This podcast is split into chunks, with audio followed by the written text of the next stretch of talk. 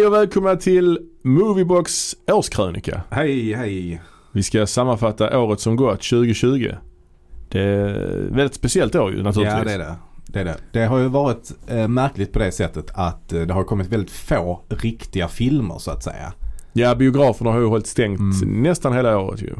Och många av de stora filmerna som skulle kommit, de som alla vet, de har ju blivit framskjutna på grund av att man inte beräknar att eh, de kommer att dra in så mycket som man vill att de ska kunna dra in pengamässigt. Precis och, och eh, det, det har ju blivit snack om biodöden liksom. Alltså, Mm. Det har ju varit svårt för biograferna innan naturligtvis men nu är ju läget eh, ännu värre såklart. Mm. Och i kombination med att eh, det har poppat upp väldigt många nya eh, streamingtjänster. Ja, Eh, som vi vet så har ju Disney eh, skapat en och Apple har skapat en och, mm. och, och Amazon har ju haft... Amazon, Ja. precis. Som ju väldigt gärna vill ha innehåll till sina kanaler. Så, Ja.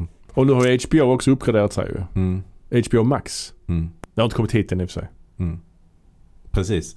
Ehm, så att vi får väl helt enkelt se vad som händer med eh, biofilmer i framtiden. Ja, för nu har ju Warner gått ut och sagt att alla deras filmer ska gå direkt till HBO Max i stort sett. De ska ha premiär samtidigt på bio och på HBO Max. Men det är inte Skapa. utan protester. Nej, det menar jag. Det har gett svallvågor kan man säga Mm. det. Mm. Det var ju någon som, ja många, haft, många av filmskaparna har ju haft eh, invändningar på detta ju. Eh, Som har velat ha sina filmer på bio. Vi har ju ett svenskt exempel där och det är ju Jönssonligan. Ja, Det är ju Thomas Alfredsson som har uh, regisserat den och eh, den fick ju aldrig någon biopremiär. Nej. Eh, men då valde producenterna att låta den ha premiär på More istället. på juldagen, den Mm. stora biodagen. Mm. Jag har aldrig fattat riktigt det där med att gå på bio på juldagen. Alltså jag har Nej. alltid tyckt det verkar jävligt jobbigt. Mm. Alltså man är rätt trött eh, och man kanske har mycket att göra kvar, hemma liksom. Fixa, fixa där hemma. Ja. Jag, tror, jag tror att det är ett, eh, ett bra tillfälle för att man har på något sätt familjen samlad. Liksom. Ja. Det kan vara folk som, är, som har rest hem för att fira jul som bor någon annanstans. Ja. Och då vill man göra någonting tillsammans. Man har firat jul dagen innan Ah, och sen dagen efter vill man göra någonting tillsammans. Ja, det är en, Ja, en, men- en anledning. Så det är någon, någon släkting du inte träffat på länge. Vill du sitta bredvid i två timmar och inte säga någonting till? Ja, jag, jag, jag tycker det ja, men, Ja, men man vill väl hitta på ja det något. kanske man vill Och ja. jag menar, då är väl bio ett, ett ypperligt... eh, Jag älskar att gå på bio. Jag hoppas verkligen att det här skitet eh, tar slut så att biograferna lever upp mm, igen. För att jag, jag Mm. älskar att gå på bio. Det är bland det roligaste jag vet. Mm, Eh, Men det är ju som sagt, Warner har ju tagit det här beslutet nu och även andra svenska aktörer. Som sagt Jönssonligan hade ju premiär på More. Jag såg den faktiskt. mm, Vi kan prata om det lite snabbt Mm. bara. Att, eh, absolut. Jag har inte sett den tyvärr. Nej. Men, alltså så här. Jag skulle se den med barnen men innan vi såg den så valde vi några dagar tidigare att se en av de äldre filmerna. mm, Jönssonligan dy- dyker upp igen från 1986. mhm, Det är när de ska, mm, göra, en, de ska göra en stöt på, på Ikea i början. mm, Eh, och och det är med Gösta Ekman och allihopa där va. Den filmen har jag sett några gånger när jag var yngre naturligtvis. Men, men eh, jag blev faktiskt förvånad att den var så pass underhållande som, mm. som den var än idag. Klart vissa scener har ju åldrats väldigt dåligt. Alltså där är en sekvens med Jarl Borssén där han spelar kinesisk kypare. Det, menar, det är ju direkt, ras- det är Ja. direkt rasistiskt. Ja, Men karaktärerna i själva ligan då, ja, Vanheden och Dynamit-Harry och Sickan, de är ju fan roliga alltså. Ja. Sen såg jag om de här två första filmerna, de var riktigt, riktigt dåliga. Men skitsamma. Den enda jag egentligen har bra minne av är den första filmen. Varning för Jönssonligan. Ja, och det kan, det, det kan vara den enda jag har sett också faktiskt. Det är ju intressant för den där filmen, det, du vet att Jönssonligan är ju remakes på danska Mm, Olsenbanden. Olsenbanden, Och ja. den första svenska filmen är ju en ganska sen film av de danska. För den börjar ju med att, att de splittras ju. Så det är ju Mhm. rätt märkligt att, att man inleder, Börjar den inte med att han kommer ut från fängelset? jo och väljer, att, och väljer att lämna sina kumpaner för att jobba för han Wall Enberg. Aha, Så man inleder så. första Mm. filmen i serien inleds med att de splittras. Det är ju, det är ju lite märkligt tycker jag. Mm. Mm. Eh, den här nya filmen är ju regisserad av eh, Thomas Alfredsson. Och det är Henrik Dorsin då som spelar Sickan. Han har även skrivit manus, varit med och skrivit manuset där. Och den har fått bra kritik ju. Mm. Men den, ah, ja, den har fått ganska bra kritik. Aha, alltså, okej. tre, alltså tre år, fyra år. Den bästa hittills har det stått i vissa tidningar. Ja, okej. Mm. Nu är det kanske inte jättemycket att jämföra med. Men jag såg om en gammal film och sen såg jag denna dagen efter. Mm. Thomas Alfredsson ändå. Ganska snyggt foto. Men fy fan vilken dålig film. Ja, Alltså okej. på riktigt. Ja. Jag är hemskt ledsen alltså. Men, men den var riktigt jävla dålig alltså. Jaha. Den, Ja. är, den är rätt lång för det första. Och det är ganska komplicerad story. Alltså onödigt komplicerad Mm. och ganska tråkig. De Mm. ska på något sätt, det är någon onda som har någon plan att de ska införa monarki i Finland igen. Mhm. På något vänster. Bara det är ju jättekonstigt. Och sen är det då de som spelar de här själva ligamedlemmarna är ju relativt, alltså de är jättefärglösa. Ja, för, för att annars när man tänker sig, det är ju han, eh, vad heter han, An, Ankan. Ja, Anders Johansson, Ankan, Anders han, Anders. Anders och Måns. Han är ju ganska färgstark som individ så. Ja, jo absolut. Vanligtvis när han är med i olika, ja men han är med På spåret till exempel och där sticker han ju ut. Är han skådis? Ens? Nej, nej, nej han är ju definitivt ingen skådis. Ja, ja. Men, han är, men, vad är han egentligen? Journalist? jag vet inte, komiker. Komiker? Ja men Ja. alltså visst, men han spelar då Vanheden och visst man är färgad av de gamla filmerna och så vidare. Att han är sån fixare och helt så jävla, han har en jävla tugg liksom. Mm. Men här spelar han någon sån hunsad eh, kille som bor hos sina föräldrar och de har någon tv-affär Ja, okej. som han ska, hans pappa vill att han ska ta över. Alltså, Mm. Det är rätt mossiga grejer här alltså. Mm. Eh, Det är också sån konstigt val av, av estetik att man har valt att den utspelar sig i nutid. Men de har ändå mycket gammal teknik. De har så här, lyssna på kassettband och vinylskivor. Ja. Alltså de har så, och det, det får mig att tänka på den här gamla svenska filmen Gangster som kom för några år sedan. Mm, just det. Där de körde sådana 50-talsbilar och sånt. Ja, de körde 50-talsbilar och hade sådana gammaldags telefoner. Du vet att man har örsnäcka och håller i själva, ett sånt telefon de hade på, på, på 20-talet. Jaha, okej, ja, ja. Fast det utspelar sig i, på 2000-talet så var- hade de så gammaldags telefoner. De hade, ja det är jättekonstigt. Men, det är någon sån eh, alternativ verklighet där då. Ja precis och det upplever jag att det här också är Mm. kanske. Men, men den, och de- är väldigt, och han eh, spelar Harry, han, Mm. eh, Dynamit-Harry, han har inget med dynamit att göra men ja, ja, det Han heter inte Dynamit-Harry. ja, han heter ju bara Harry. Ja, okej. Och det är han David Sundin som Ja. också är någon slags programledare på TV. Ja. Som också har, har, han är väl också komiker liksom. Mm. Och sen Doris spelas av hon Hedda Stiernstedt från den här serien Vår tid är nu va? Nej inte Mm. Vår tid nu, vad fan heter det? Jo Vår tid är nu. Nej, Jo, vår tid är nu. det är det som går på TV Mm. den här såpan. Ja, Ja. mm. Ja, Ja. Såpa är det väl inte. ja okej. Nej men skitsamma. Men, men i alla fall. Ja. Lång film, komplicerad story, färglösa karaktärer, Ja. mossig humor. Ja. Alltså han sa Povel Ramel syndromet. Han Dorsin är ju rätt rolig. Han har, Ja, han det har ju han. Han har ju en för, förkärlek, förkärlek till det här att se tillbaks på gammal svensk humor och så. Och de har Ja, kanske gjort det det. Mm. lite för mycket i den här filmen ska Ja, jag säga. Han kör, jag, har ju, jag har ju sett honom eh, live med hans eh, sånt eh, humorgäng som kanske heter Grotesco. Grotesco. Ja, de är bra. Där är han ju, där är han ju rolig. Men, men det är inte den typen av humor då. Ja, det är väldigt slätstruket. Ja, Alltså, ja. det är väldigt För där är det ganska mycket sådär, vad ska man, jag vet inte vad man ska kalla det för. Liksom så här oväntade saker som händer hela tiden. Crazy Ja, humor. Det är det ju. Men alltså. också lite samhällskritik och så Mm, ju. ja, Väldigt så här, absolut. sat- samhällssatir. Ja. Här är det bara jättekonstigt. Det är Mm. två sekvenser i samma film som påminner rätt mycket om varandra. Det är det här att Sickan har en plan och de vet att eh, ja, det här föremålet är bevakat men de vet också att varje torsdag så gör den här personen som bevakar föremålet gör någonting annat under ett x antal minuter och då ska vi göra Mm. vår stöt. Mm. Två sådana saker sker i den här filmen. Mm. Att en person är upptagen under en viss tid och då, då gör de, ska Mm. de göra sin stöt. Mm.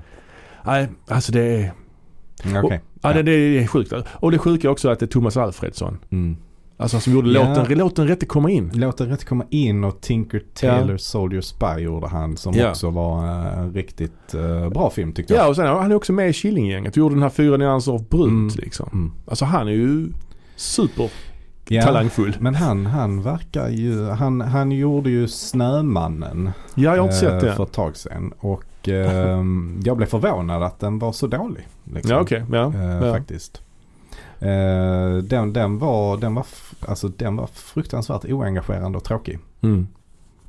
Men det var ju ändå en, en eh, liksom högbudgetfilm och den, den första av han Jo Nesbøs, eh, Mm. Mm. tror jag det var i alla fall. Alltså i alla fall den första Hollywood-produktionen. Det är med Fassbender va? Ja. Just det. jag har inte sett den. Men nej men alltså Jönssonligan, se upp för Jönssonligan heter den ju. Så Mm. ja. Se upp för den Ja. nej men tyvärr alltså, tyvärr. Ja, ja. Ja, eh, förlåt, Mm. litet sidospår. Men det var en film som kom. Det var en, det var en Under- deppig öppning när vi sammanfattar det, Ja. det, det deppiga 2020. Ja, nej, ja. Tyvärr. Eh, men men Mm. det har ju kommit eh, en hel del bra saker också och Absolut. en hel del eh, som man kanske kan säga ändå är okej. Inte Mm. jättebra men, men okej. För att det, Ja. det har ju blivit så som vi säger där att man har valt att hålla på och liksom spara på krutet. Ja, Hålla inne de allra bästa, de allra bästa grejerna. Ja. Men, men i alla fall i början på året, det var ju innan det fanns en pandemi. Just det. Eller den fanns men det var inget man snackade om liksom. Nej, den har inte kommit hit ändå ju. Nej. Då kom det ju någonting. Eh, Ja, visst. Så att jag, jag, jag har faktiskt sett en film som heter Portrait of a Lady on Fire. Ah, Och eh, den, den hade ju premiär i december 2019. Så att den, okej, ja. Men den var ju ändå aktu- aktuell under 2020. Jag tycker, Ja, ja. Man kan, jag tycker man kan räkna in den 2020. Det kan man få göra kanske. men det är det- likadant, vissa filmer vi kommer att prata om idag har, har också haft eh, premiär ni- 2019 på festivaler och sånt. Men Ja. gått upp stort på bio eller på streaming under 2020. Mm. Men om, om vi ska försöka dela in det här, att vi börjar med att och, eh, prata lite om, grann om vilka, vilka dramafilmer vi har eh, kollat på under 2020 som var bra och värda att nämna. Drama, denna för breda eh, kategori. Ja, du gillar inte den? Jag gillar inte riktigt när man säger drama, men Nej. eh, jag fattar vad du menar. Eh, nej, men ehm, den sista film jag såg på bio Ja. innan coronan, Mm. jag vet inte om det räknas som drama. Sonic the Hedgehog. Såg du den på bio? Ja, jag såg det med min son. Han, han älskar Sonic the Hedgehog. Jaha. Nej, nej, det det, var det inget är drama. inget drama. Nej, det var det kanske inte. Det är en familjefilm. Ja, det- okej. Men science fiction-inslag. Ja, precis. Jim, Jim Carrey pratade svenska. Mm. Det fanns ju bara i dubbad version. Ja, okej. Men Jim Carrey och James Marsden är med. ja, ja. det är riktig science fiction att de pratar svenska det. Ja, nej men förlåt. Men Mm. det enda som var grej, grejen med den var väl egentligen att de, det fick, blev ju sånt ramaskri när de la ut trailern ju för Sonic såg helt sjuk ut ju. Jaså? Så de, fick ju, de drog tillbaks filmen, eller de sköt Ja. upp premiären för att göra om själva Sonic-figuren. Så han skulle se mer ut som, Jaha. som förlagen i spelen. Ja, ja. Helt okej film. ja men, eh, Dramafilm, förlåt. Men i alla fall, om, om, vi, om vi bara, för att det här ska bli eh, någorlunda lätt att hänga med i så kan vi ju eh, liksom inordna det enligt eh, de här genrebeteckningarna. Så vi kan väl Ja. börja med drama bara. Och, Ja. och då har jag som sagt då sett Portrait of a Lady on Fire. Ah okej, det var den du, det var den du menade där ja. Ja, Precis Det var det jag menade. ja. Och eh, har du sett den? Jag har inte gjort det, den Nej. ligger på min lista. Den, Ja, den, men ska vara oerhört den, bra. den ska du definitivt kolla på. Ja. Det var en av de bästa filmerna jag såg under 2020. Ja. Även om den kanske räknas som 2019. Eh, men den handlar helt enkelt om en, eh, om en målare som ska, en kvinnlig konstnär som Mm. ska måla av eh, en, eh, en, en, en adelsdam. Göra ett porträtt på henne som de då, för de vill gifta bort den här eh, unga kvinnan. Ja. Och då måste de måla av ett porträtt och skicka runt till folk. Så att eh, folk ser henne och kan tänka sig att, att vilja gifta sig med henne. Den tiden. Så gjorde man på den tiden Det var som. Tinder på den tiden. Ja, det var som Tinder Ja. kan man säga. Mm. Ehm, men problemet är ju att hon vill inte bli avmålad. För hon vill inte bli bortgift. Ah. Så där ligger konflikten. Mm, mm. Eh, men jag tyckte den var oerhört bra och eh, det, det, det utvecklar sig ju då till eh, en slags romans mellan de här två. För, Mm. ja. Mm. Eh, Så att den, den, eh, den, den behandlar ju liksom så här HBTQ-teman på, eh, jag vet inte exakt när det är men det är väl 1700-tal kanske. Skulle jag Mm. tippa på. Mm. Kanske tidigt 1800-tal. Ja, kanske. Sent 1700-tal. Där någonstans Mm. vill jag lägga in den. Eh, men väldigt, väldigt vacker och eh, eh, fin, fin, fin film. Ja. Eh, bra skådespeleri.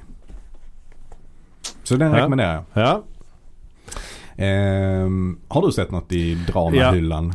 förutom Sonic eh, Mm. så har jag faktiskt se- ja, jag har ju sett filmen eh, som hade premiär, premiär på Netflix ganska sent under 2020. Filmen Mank Mm. med Gary Oldman Mm. av David Fincher. Av David Fincher. Ja, Skriven av David Finchers far. just det. Och med Gary Oldman i huvudrollen.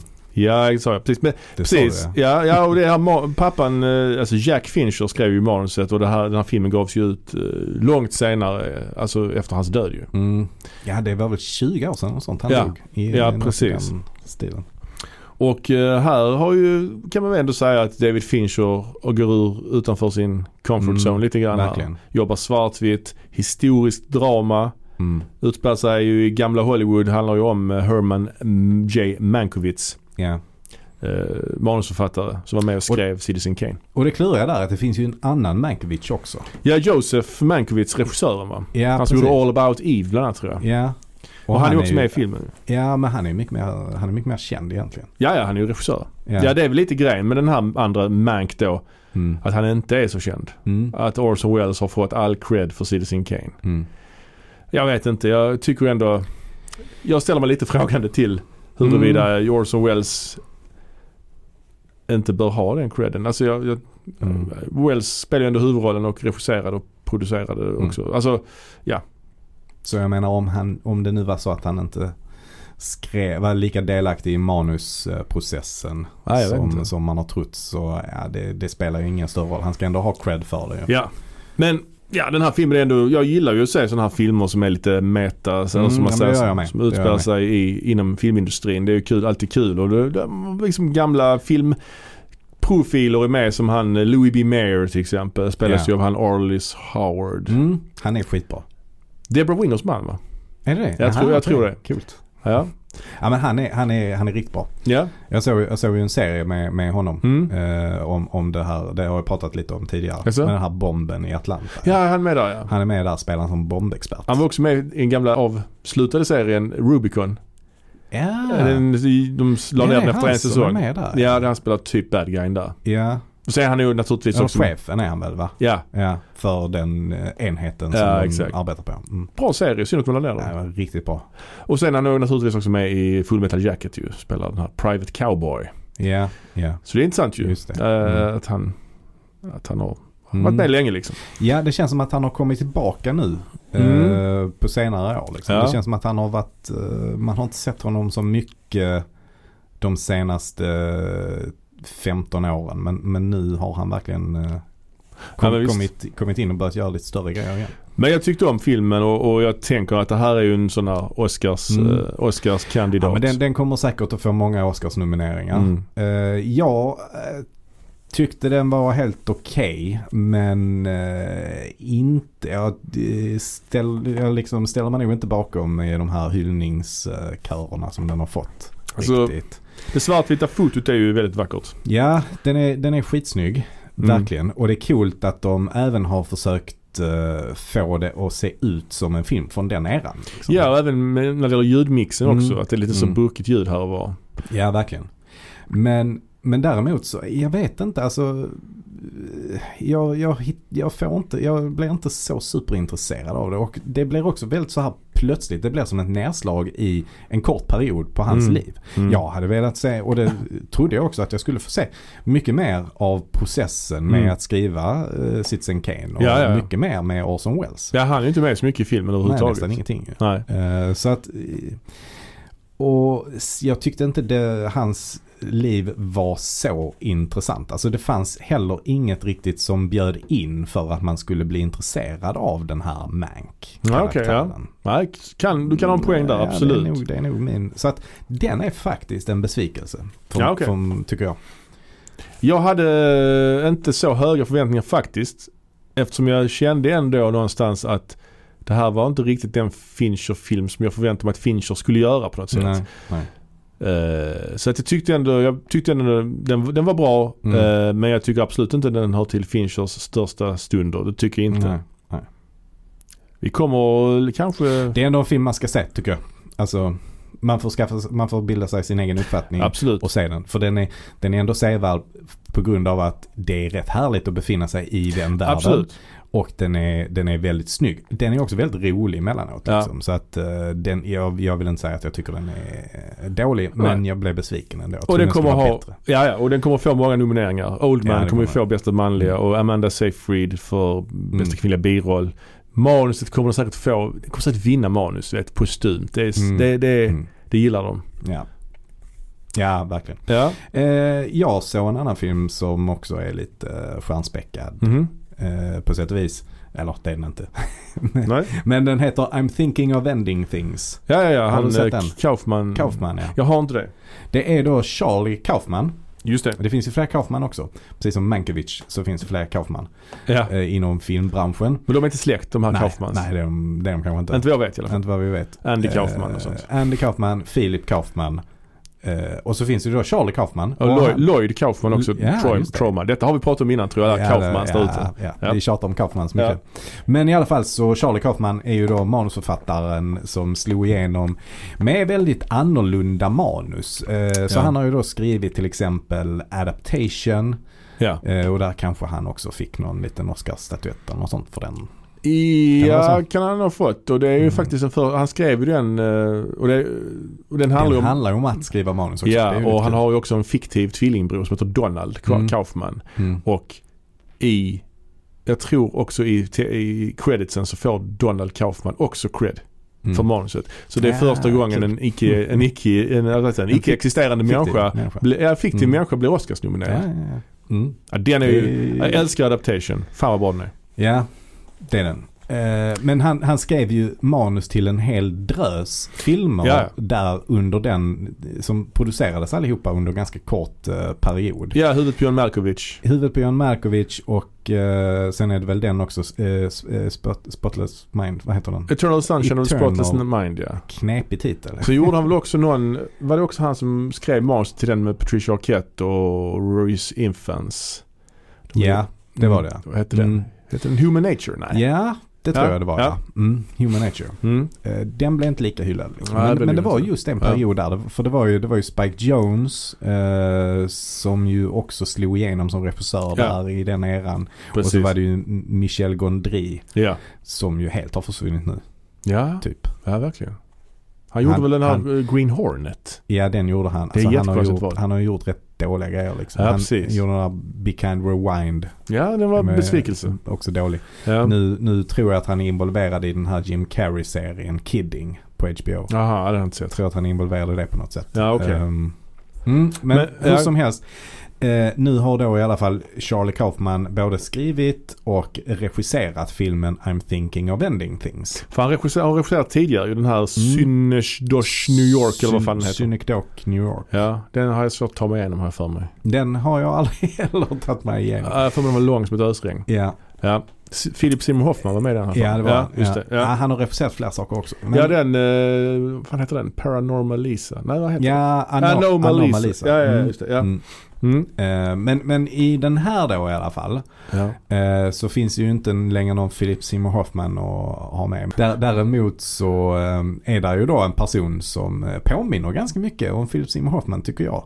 Eh, som spelar huvudrollen. Mm. Och det är ju han Jesse Plemons. Just det. Eh, Som du har han- pratat om tidigare. Ja, ja, alltså han är ju en favorit. Jag Mm. eh, gillar ju verkligen honom. Eh, och i alla fall. ehm, eh, filmen handlar i princip om att han eh, ska ta med sin tjej hem eh, på middag Mm. hos eh, sina föräldrar. Ja. Och eh, eh, det berättas ur tjejens eh, perspektiv. Och det är, det är hon som hela tiden funderar på att eh, liksom göra slut. ja, just det. Eh, och, eh, men, men man kan väl, behöver inte egentligen berätta så mycket om handlingen men det, det, blir, det blir konstigare och konstigare i, Mm. i, en, i en sann Charlie Kaufman-anda. Ja. Eh, och det, det är faktiskt eh, spännande att se var det här ska ta vägen. Liksom. Och Mm. sen kanske det flippar ut en aning för mycket för min del. ja. Eh, men, men det är intressant och det är tänkvärt. Man måste verkligen, man måste verkligen så här anstränga sig för att hänga med i vad som händer. Och man måste verkligen så här tolka allting som händer. För det är ju späckat med konstiga grejer Ja. och symbolik och folk åldras eh, Mhm. väldigt mycket. Ja, så att det, det, är ju ingen, det är ju ingen diskbänksrealism det här. Liksom, Nej, nej. Utan eh, snarare någon slags kanske magisk realism detta är. ja. Ja, Jag har inte sett den. Det kan vi också säga att... ehm, Nej det är det inte heller. Utan, utan det, ja, jag kan inte kategorisera den. Men, men i alla fall den, eh, den, är, den är helt klart sevärd. Men, men en svår film att ta sig igenom. Ja, jag har inte sett den men vi kan ju säga det att det är ju, vi ser ju ofta, alltså du och jag, vi ser ju mest gammal film. Ja. Så att just att se, ibland hinner man inte se allt nytt. Vi ser oftast mest genrefilm också. Ja, det är sant. Så, så, så det, det, ibland kan det vara lite så Ja, uppfriskande att se någonting.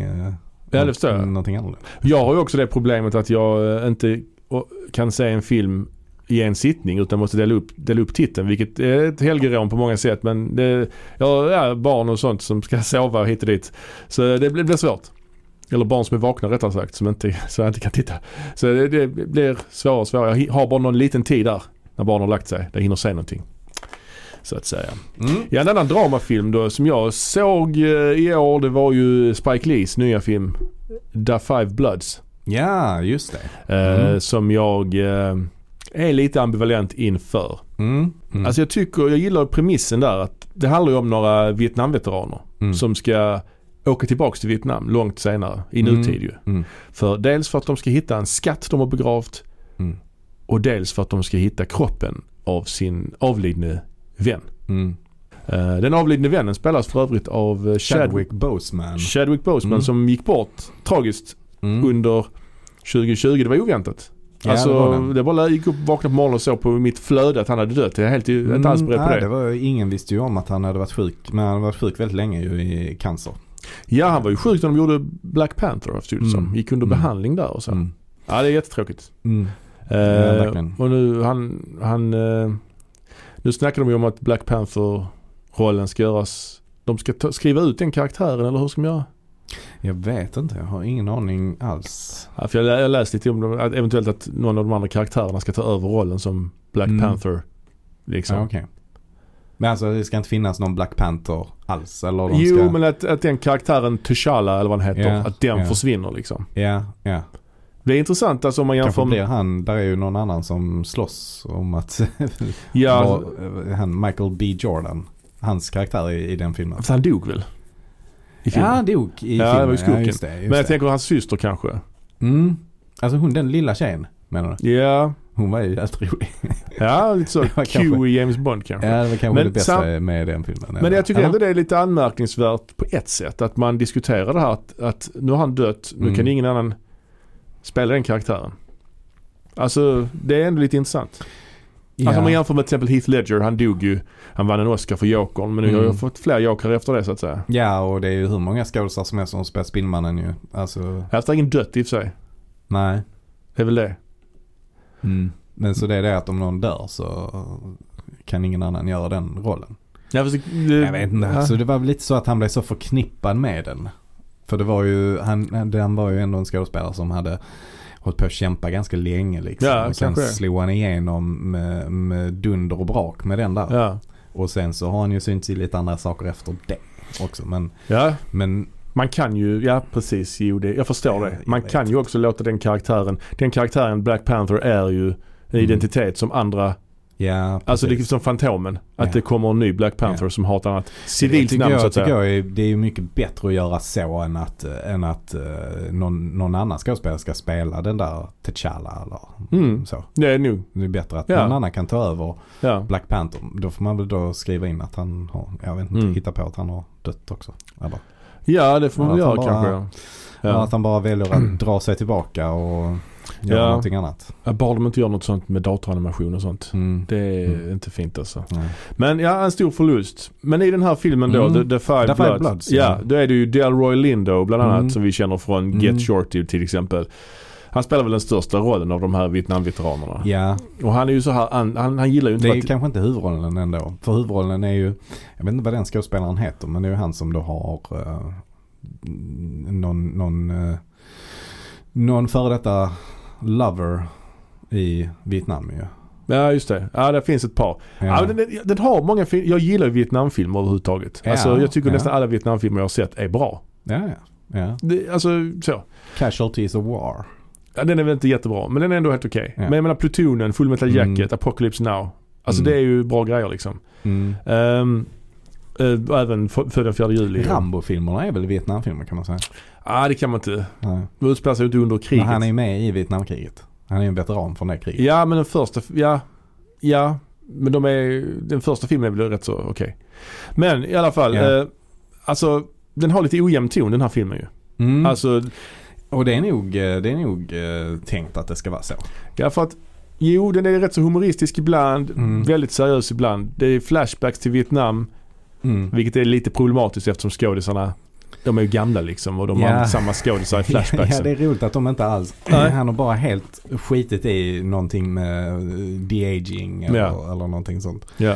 Utan det är bara, men, men Chadwick Boseman är ju, är ju ung. Jo men han dog ju ung så att säga i, fi- i filmen. här. Ja. Så Och- det är ju det som ändå är lite kul där. Liksom att de är Mm. gamla och han är ung i Flashback. Jo, det är väl något möjligt. Men sen tycker jag att Delroy Lindos karaktär som då, Mm. han, han agerar väldigt märkligt. Och filmen Ja. utvecklar sig till någon slags actionhistoria i slutet. Ja. Och, ja. och han blir konstig och alltså jag, tyvärr så tyckte jag den, den tappade rätt mycket allt eftersom den pågick. Mm, mm.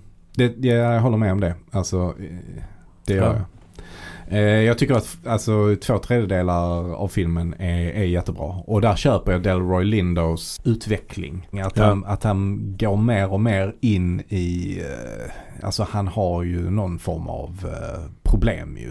Ja han är ju traumatiserad, Traumatiserad, efter kriget. Ja. ja. Absolut. Och han är också väldigt så här, alltså han är ju väldigt fientlig mot alla vietnameser. Ja, På gatorna och så. Och han är Trump-anhängare också ju. Ja, och det är ju lite roligt liksom. Han har en sån röd keps och så ju. Ja, nej men eh, en, en eh, helt okej film men som den tappar, den tappar i tredje akten så att säga. är, det är ju också en hel del sådana uppenbara saker. Alltså som, där är en sekvens där det är någon som eh, de, de, de, de rör sig i ett, i ett område där det finns väldigt mycket minor. Ja, just det. Och då är det någon som, alltså redan när de berättar det att det är minor liksom, Mm. så fattar man ju att vad som ska hända där. Särskilt då när det är någon som rör sig lite så bakåt. Mm. Och så bara sprängs han av en mina liksom. Det är så uppenbart. Ja, men samtidigt blir det så konstigt. Han är som bild på när han ligger där utan armar och ben. Som ser Ja. nästan lite som Monty Python ut ju, Ja, ja. tycker jag. Ja, ja, jag håller med. Nej, jag tyckte inte den här var helt klockren heller faktiskt. Eh, Ja. ja, Vad har vi mer då? jo men vi har den här Trial of Chica- Chicago 7. Har du sett ja, den? Ja, den har jag sett. Aaron, Aaron Sorkin va? Mm. Mannen bakom The West Wing bland Ja. annat. Och har skrivit manus ju. Han är manusförfattare i grunden. Ja. Och har skrivit manus till eh, The Social Network heter. Ja, just det. Fincher. David Fincher. Ja, film. precis.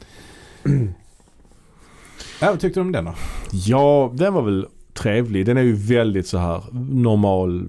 Ja. Alltså den är väldigt vanlig. ja.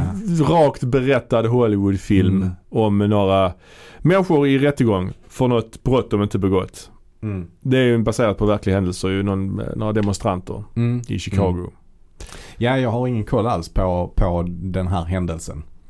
Men det, jag tycker ändå det är, det är en rätt, eh, det är ju helt bisarrt med den här domaren ju. Som ju Ja. är helt senil. Ja, Frank Langella spelar domaren och Ja. han, eh, han, han uppenbarligen eh, har en begynnande demens. Mm. Mm. Och glömmer vad folk heter och är väldigt uh, fientligt ja, inställd. ja, han är ju extremt fientlig Ja. och bara för att i, de, de är ju rätt många då. Det, det är det det går ut på. Att de är rätt många då som har lett olika demonstrationer liksom. Ja, sju stycken är de nu. Just det. Ja, Just det. därav Chicago 7. Just det. Ja, Eh, och eh, de klumpas ihop och får bara en enda rättegång.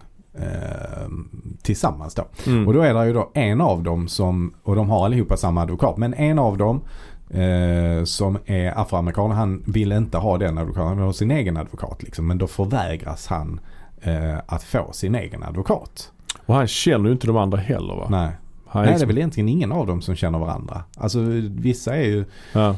vissa känner varandra eh, men, och de kanske känner till varandra. Men han ingick väl i Black Panther-rörelsen Ja, och kom inte riktigt från samma bakgrund som de andra då. Men där är rätt bra skådespelarinsatser ändå tycker jag. Mm. Alltså det är ju då ett, ett par av dem, det är ju då spelas ju av eh, eh, Borat. eh, ja, Sacha Baron Cohen Ja. spelar ju en dramatisk roll så kallat. Ja, och eh, Jeremy Strong spelar ju hans eh, partner. De Just är det. ju någon slags hippies. Jippies kallar de sig för. Jippies är det. Ja, Youth International Party. ja. Sen Ja. har vi ju Eddie Redmayne också ju. Mm, mm. Så det är mycket britter ju. ja, det är som spelar amerikaner. Mm, mm. Det är intressant ju. Ja, verkligen. Och Mark Rylance spelar deras advokat. Ja. Han är ju alltid stabil. Ja men han ser alltid, ja, hans... Eh, jag har svårt, lite svårt för honom i den här filmen faktiskt. Mm. Alltså han känns lite, hans amerikanska den, den är svår. Mm. Nej, han är också britt ju. Så- Ja han är ju britt ja. Mm. Och då blir det, det lyser igenom lite grann. Mm. Men jag gillar Jeremy Strong. Han, ja. han är ju verkligen en, en karaktärs, eller en eh, skådespelare som eh, är på uppgång ju. Han, Ja, är, han är ju med i den här eh, serien Succession. just det. Där han har en stor roll. Sen är han även med lite grann i, i, i eh, minns du den filmen om, om, om bankkraschen i USA? Alltså, Ja, ja. The Big Short. The Big Short. Ja. Där är han också med. Ja, ja, ja. Ja, han gör faktiskt en jättebra liten roll i den. Men eh, väldigt minnesvärd.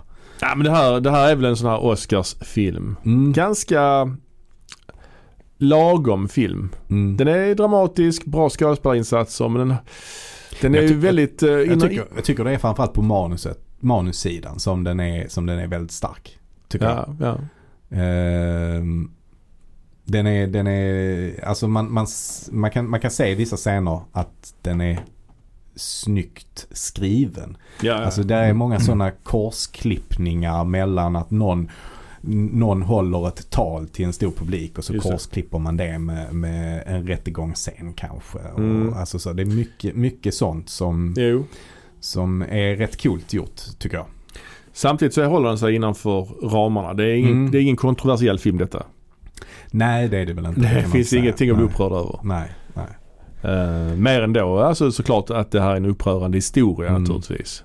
Men eh, ja. Det kom faktiskt lite grann här från Skandinavien också. Ja, ja. Eh, Charter är ju Sveriges eh, Oscarsbidrag och den har jag faktiskt kollat på också. Ja, okej. Har du sett den? Nej. Nej. Det är ju då regissören Amanda Carnell som har gjort den. Eller Uh, Kernell. Hon ja. gjorde, gjorde den här Sameblod.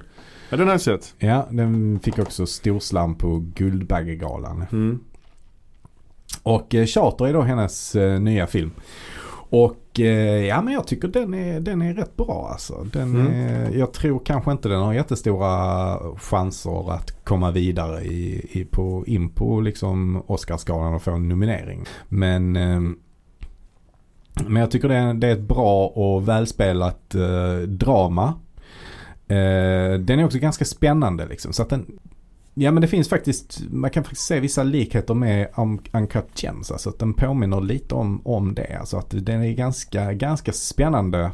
Och, och eh, handlar ju liksom om en karaktär som kanske inte riktigt har eh, någon bra självinsikt och som tar rätt mycket dåliga beslut alltså. Mm. Eh, och det är, ja, ja men den är, den är helt klart sevärd. Mm. Mm. Sen så kom ju även den danska filmen Druck. Mhm. Eller eh, Another Round som den heter. Mhm. Eh, Den har ju inte haft någon eh, riktig premiär i Sverige än.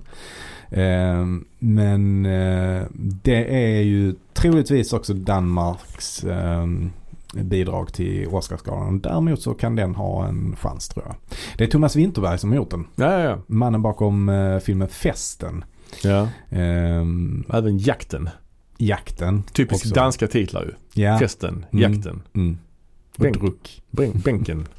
Men Druck är, alltså den, den, den, är, den är i gränslandet mellan komedi och eh, drama. Alltså dramedy. Fast den, Dramedy. är, den, är, den har ändå ett mörker i sig som gör att det inte går att klassa den som komedi. Ja, ja. Eh, men i alla fall det, det som den handlar om det är att det är då eh, fyra eh, kompisar och kollegor som är eh, gymnasielärare.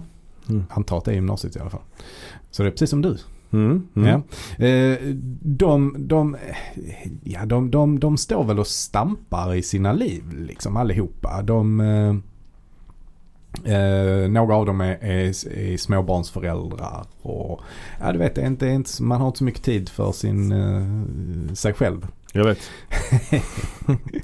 Och, och i alla fall så, så kommer de över då en, eller någon i alla fall berättar om att det finns en forskning som då menar att vi, människan är född med en, en halv promille för lite. Alltid. Så att vi skulle må bättre om vi var lite småfulla hela tiden. Aha. Det låter lustigt ju. Ja och, då bestämmer, och det är då alltså en norsk eh, forskare som har kommit med den här teorin då. Mm. Så att då, prov, då bestämmer de sig för att prova detta liksom, och prova det här i verkligheten. Mm. Så att de, eh, de bestämmer sig för att vara lite småfulla hela tiden. Mm. Och det visar sig där eh, till en början att deras liv blir mycket, mycket bättre. De är mycket mer framåt och de vågar ta för sig mycket mer och, och de, är, de sköter sina jobb mycket bättre för de är är, de får eleverna att bli mer engagerade och sådär. Ja, de Mm. får mer energi helt enkelt. Mm. Eh, men sen stannar det ju inte där utan de vill ju prova den här. Hur funkar det om man, om man liksom kör på ännu mer? Mm. Vad händer då? Liksom. Det låter ju lite grann som någon slags sån här informationsfilm. Drick inte för mycket. Ja det gör det, det gör det, det, gör det absolut. Men, men i, till en början så, så är det ju tvärtom. Ja, jag förstår Alltså, det. Men det, är- ja, så är det ju. Propagandafilm för Carlsberg eller någonting. Att du Ja, ja, men just att lite bärs. Det liksom. börjar alltid så och slutar Mm. alltid i tragedi. Mm. Ja. Men, men, men denna gör inte det riktigt. Eh, Det är en mor- ingen moraliserande film så att säga. Nej, Nej. Det, det är den ju inte. Alltså det, det ligger inte nära danskarna att eh, göra för mycket moraliserande grejer ju. Nej, nej. Eh, så att... Däremot är de glada i extra promille. ja. Så är det ju. ja. Nej men den här, den, den, eh, när den väl kommer till Sverige så eh, hoppas jag att det är många som går och ser den faktiskt. Mm. Eh, på bio för att den är, den är riktigt bra och den har ju gått jättebra i Danmark. Mm. Eh, det är en riktig publiksuccé. Ja. Ja men det var det vi hade på dramahyllan tror jag. Dramahyllan. Ja, ska vi hoppa ner till actionhyllan? Ja det kan vi göra. Actionhyllan. Den, eh, action är ju en sån här eh, genre jag inte ofta, alltså renodlad action. Nej. Det är inte så ofta jag tar mig an. Nej, det blir inte så ofta det. Det känns som en eh, lite svunnen genre. Men sen är det ju of, också ofta att, eh, alltså vad är action? Det finns ju underkategorier på det och Mm. det finns ju, det finns ju till exempel eh, science fiction filmer som är en blandning mellan action och science fiction. Ja Alltså, precis. Men just renodlad action. Mm. Vad har vi för någonting där då? Eh, ja men alltså biograferna öppnade ju eh, eh, under en viss period i, eh, nu i, i somras. Mm. Just det. Eh, och då gick ju Tenet upp. Den Ja. efterlängtade Tenet. Och det får man ju säga är en actionfilm. Ja det får man faktiskt göra. Det, det, Med det, drag av sci-fi. Ja med drag av sci-fi onekligen. Onekligen. Eh, och den har vi ju pratat om i ett Mm. tidigare avsnitt. Jag tyckte den var helt okej. Mm. Mm. Eh, Nolan har gjort många bättre filmer än så här. Mm. Jag tyckte det här med baklänges sekvenserna inte var så häftigt Mm. så att det kunde bära upp hela filmen på något sätt. Nej. Nej, det, det, den, den känns som att vi har gått igenom rätt så Ja. eh, ordentligt. Men det är ju en film man kanske, eh, det är inte helt lätt att förstå handlingen man vid, vid en första tittning. Men den är så, det finns på Blu-ray och DVD nu ju. Ja det gör den. Den ja. hade ju, det var ju den, en av de få filmerna som verkligen gick upp på bio. Mm. Som de inte sköt fram. De sköt ju fram den några gånger men den Mm. kom i alla fall upp till slut. Mm. Och, och Nolan är ju, som vi pratade om innan, han är, han är ju verkligen en motståndare till det här att det ska släppas direkt på streamingtjänsterna. Ja det är ju. Och det är ju verkligen så. Hans filmer ska ju ses på bio. Ja. Och jag tror heller inte att den typen av filmer kommer att göras om det bara blir streaming. Eh, alltså, om, alltså om det om det inte längre finns någon bio i framtiden.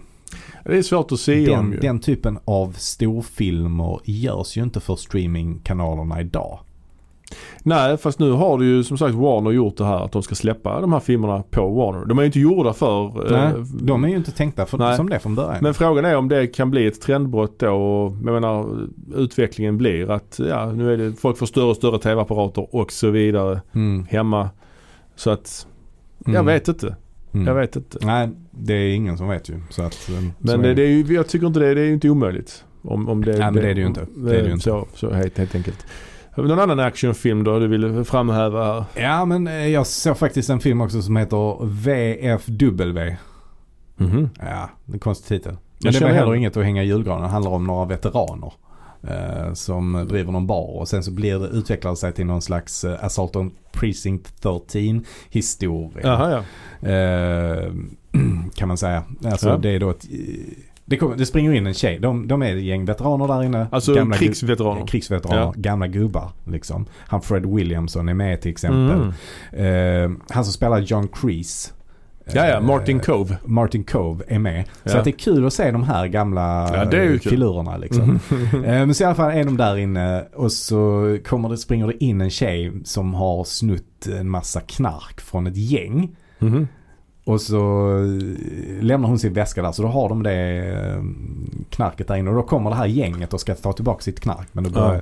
då börjar de ju eh, gå loss och så skjuter de en jävla massa och sånt. Alltså Ja. det är en rätt kul film. Liksom. Ja. Men, men det är inget, inget man behöver komma ihåg så mycket mer än så. En annan film jag kollade på var Guns Akimbo.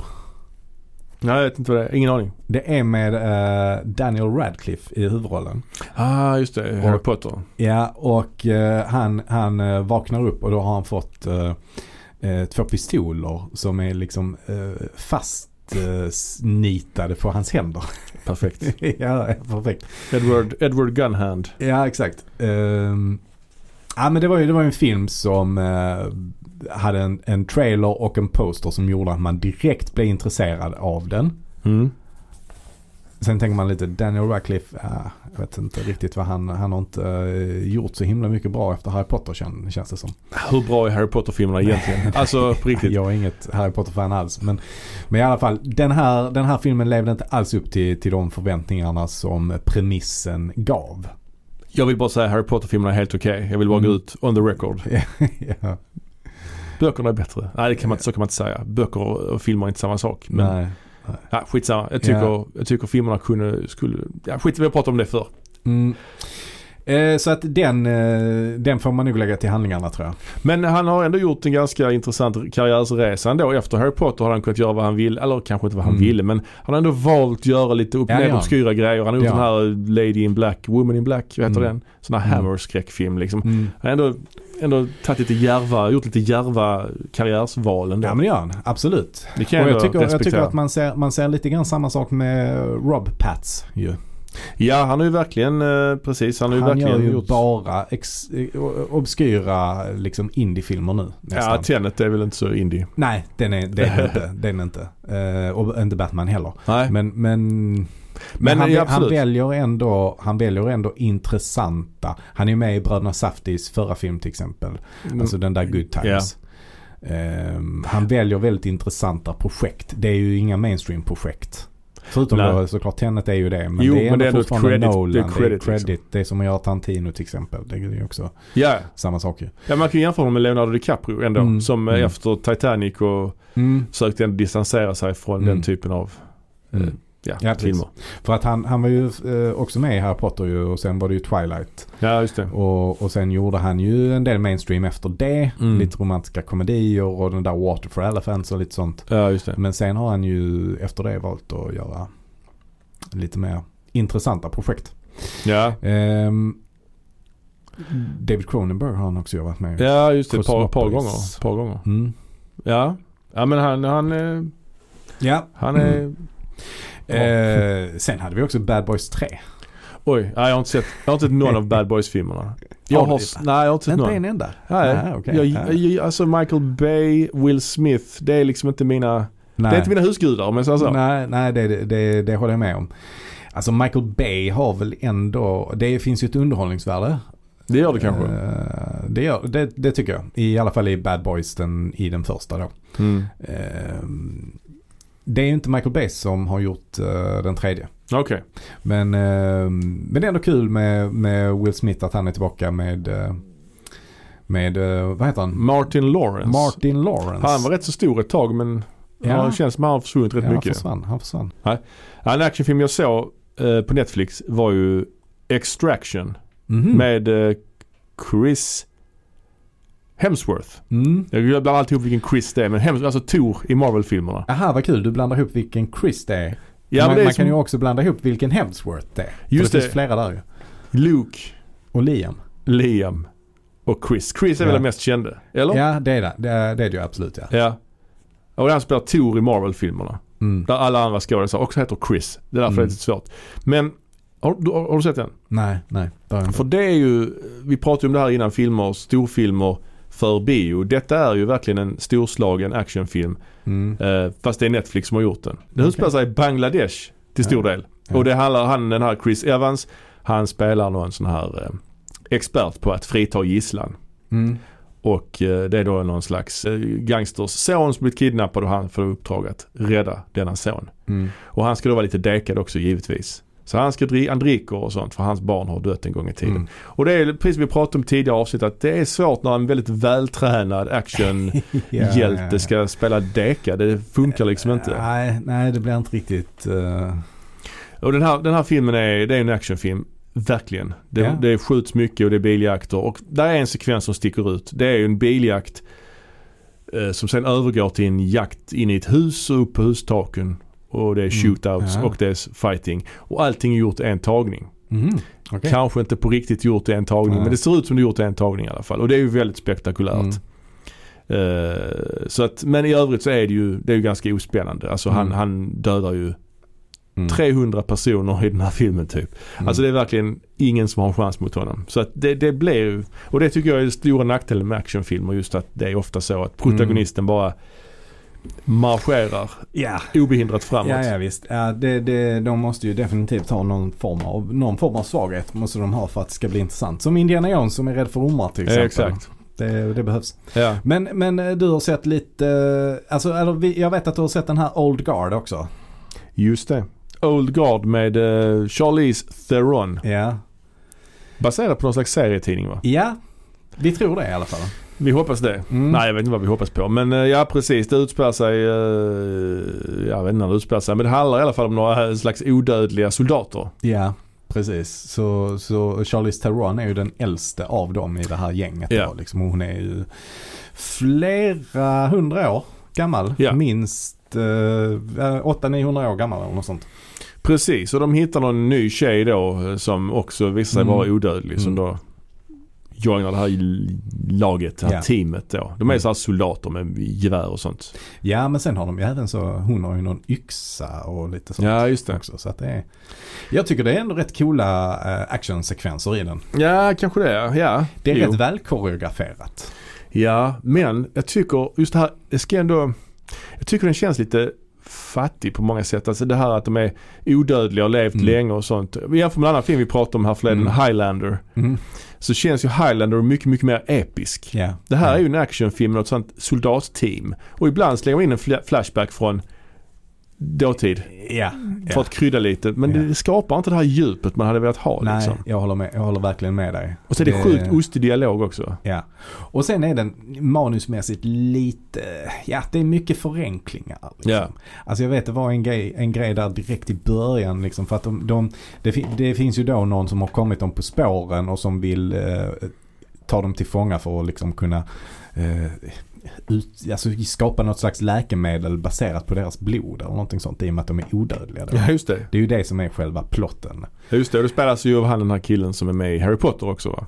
Eh, Som spelar det- den här onde styvbrodern i Harry Potter. Ja okej. Ja, Som också är med i Queen's Gambit. Queen's Gambit Ja, tänkte jag ja, på. precis, Mm. ja. I början då så gör de någon slags setup för dem. Där Ja. de då ska bevisa för honom då att de faktiskt är odödliga.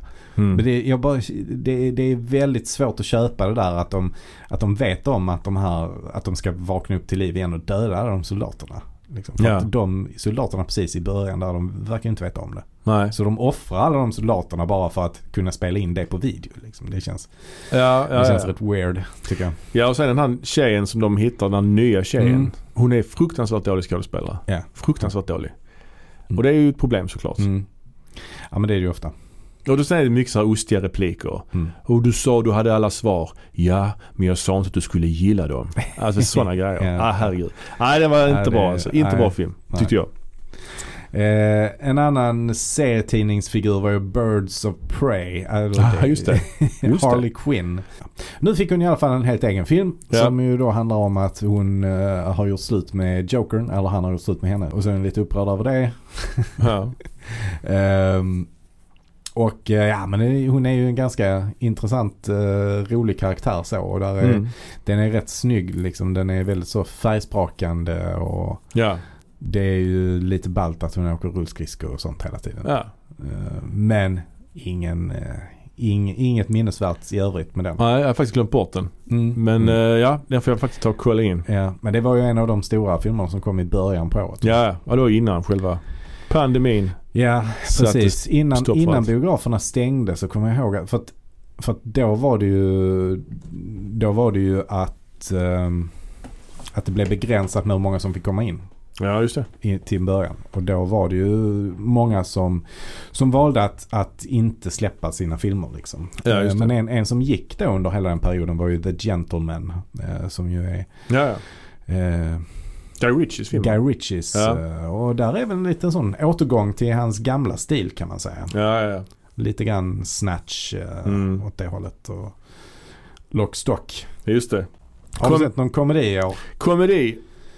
Komedier har jag sett eh, några stycken. Men Mm. dock eh, kanske mest eh, tecknade då. Ja, men jag, jag har sett två stycken Pixar-filmer. De får man Ja. räkna som komedier. väl? Ja det kan man göra. Eh, jag såg ju tidigt under året så kom ju den här Onward. Eller Framåt Mhm. heter den väl. Den utspelar sig i någon slags fantasyvärld som ändå är som vår värld. Så att de Mm. bor i förorten men där är drakar och sånt. Den var eh, helt okej. Alltså Mm. helt, helt okej. Det- Pixar känns som att de har faktiskt tappat lite på senare tid. Ja. Eh, och de släppte ju en ny nu också. Direkt på, Soul. Soul ja, direkt på Disney Plus också. Den skulle ju säkert gått på bio egentligen ju, men den kom ju direkt på Disney Plus. Ja. Och den blev ju ganska hyllad. Jag tyckte den tyvärr var lite rörig. Mm. Alltså det handlar ju om en jazzpianist som, Mm. eh, ja, han, han dör. Mm. Och eh, sen hamnar vi då i den här världen där hans själ hamnar. Mm. Och sen så kan han då ta sig tillbaks till eh, livet. Till, Mm. vär- till jorden igen typ. För att han, vill, han ska spela någon slags, eh, så han ska göra en spelning på en Mm. jazzklubb. Mm. För han jobbar som så här lärare, musiklärare och han är lite så trött på det. Och han Mm. vill liksom börja spela för att han älskar att spela. Så är det mycket, det är rätt så komplicerat där i den här självvärlden hur allting fungerar Mm. och hur, hur allting, och så han liksom, ja, det blir lite omständigt. Om jag jämför Ja. med en annan Pixar-film, den här Inside Out, har du sett den? Mm, den har jag sett ja. Den tyckte Det, jag var, det lät lite som den när du ja, när du ja det är verkligen likt den och den tyckte Mm. jag var hur bra som helst. Mm. Alltså det tycker jag är bland det bästa de har gjort. Eh, så den här känns väldigt rörig. Det här med själ, så, Mm. alltså eh, det känns jävligt amerikanskt. mm. Alltså hur ofta pratar man om det här i Sverige till exempel? Jo men det tror jag. Alltså Ja, jag vet inte. mycket mindfulness och sånt. Och... Ja, kanske. Ja, det känns lite så amerikanskt kristet. Jag vet Jo inte. det är det. Jag, jag, jag var på någon sån föreläsning för några år sedan med den här Robert McKee, han den Mm. här dramaturgen så att Just säga. det. Och då visar han ju filmen Casablanca. Mm. Det var ju så tre dagars föreläsning och sista Mm. dagen så visar han Casablanca. Hela Casablanca? Ja, han visar hela filmen och så diskuterar vi den. Så hela, allting, allt som allt var, var det här i fem timmar. Okej. Eh, och då pratar han, det är en sån förhörsscen där de, Ja. de förhör någon. Och så stoppar han filmen och så frågar han publiken vad, vad är det han egentligen kämpar för här? Mm. Eh, och då ställer alla, folk räckte upp handen och Mm. frågar ja, sin frihet, sitt liv ja, och så vidare. Mm. Och så bara nej nej nej. He's fighting for his soul. Mm. Och alla Mm. bara, bara så, hä? alltså alla bara så, vad fan menas med det? Alla bara tittar på varandra. Liksom, man kan inte relatera till det på samma sätt som man Nej. kanske kan i, eh, i ett annat land. Jag förstår vad du menar. Ja, Det gör jag. det kändes Absolut. jättekonstigt att man liksom tänker i de banorna. Nu ska, det här gör jag för min, för min själ. Mm. Nej, skitsamma. Jag Men kan ja. ändå, nu när du berättar det där, liksom, jag kan ändå förstå lite vad han menar. Alltså hans Mm. soul då innefattar ju då en massa olika saker. Alltså, Ja, jag vet. Men jag hade mer definierat det kanske som eh, identitet eller samvete eller Ja. liksom eh, ära. ja men det är det jag menar. Såna Alltså grejer. soul är på något sätt ett samlingsnamn för alla de sakerna. Ja, fast det har ändå någon form av ja, Ja, det har, en, efterlivs... det har en religiös touch. Ja, det också. har det verkligen.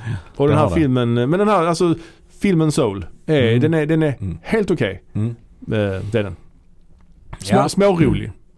Eh, jag, jag kollade på Sofia Coppolas nya film eh, Ja. On the Rocks. Jag hann inte säga den. Jag skulle säga, Med Bill Murray. ja de återförenas där Mm. efter många år. Ja. Nej, inte många år för han, han var med i nästan jul, den här julspecialen gjorde hon ju. Ja, Så ja. inte så många år sedan Nej, det är inte så Ja. jättelänge sedan. Men, men eh, R- Rashida Jones. Som ju är Ja. Quincy Jones dotter. Ja, ja, ja. Känd från Parks and Rec till exempel. Ja. Men Mm. denna filmen tyckte jag var, eh, jag vet inte, vad, vad gillar du Sofia Coppola rent så generellt liksom? eh, Som människa? Regissör, som regissör. Som regissör, som skådis, not so much. Ja. Nej, jag har bara sett Gudfadern 3 där med henne. Men, eh, som också hade nypremiär, men den har vi inte sett. Eh, Mm. Men eh, ja, det gör jag väl. Jag tycker, jo. Mm. Jag har inte sett allt hon gjort. Men Nej. det jag har sett har jag tyckt var bra. Mm. Jag har sett Virgin Suicides, Lost in translation. Somewhere. Den har jag inte sett men jag har sett Marie Antoinette ju. Sen har de gjort eh, Bling Ring. Bling Ring. Ja, de har jag fan inte sett alltså. Har hon inte gjort någon episod i någon sån episodfilm? Jo, hon säkert. säkert. Men, Men jo, jag men, tycker hon är men, rätt bra. Men, men eh, Lost in translation eh, tycker jag är ganska bra i alla fall. Alltså jag har inte sett den sedan den var ny. Det Nej, är ju snart 20 år sedan. Ja, det, det är nog samma här faktiskt. Men, men den, den, det finns ju folk som kritiserar den.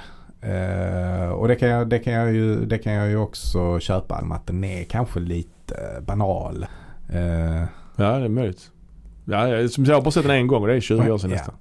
Men den här On the Rocks i alla fall. Den, eh, den påminner ju mer om, om, om den än vad den eh, påminner om. Och det kanske bara är för att Bill Murray är Ja, med, jag vet inte. ja. Liksom. Men, men i alla fall den är, den är lite, lite bagatellartad ändå. Den är lågmäld. Väldigt, väldigt trevlig och, och liksom så här småkul. Men det är aldrig någonting som, som bränner till Nej, nej. någonstans. Och det är aldrig så att den är jätterolig eller spännande någonstans. Utan Mm. den bara tuffar på i, i, Ja, i sakta i gemak liksom. Ja, Harm, ja. Harmlös. harmlös. Men den är ju väldigt snygg och Bill Murray är ju en fröjd att titta på.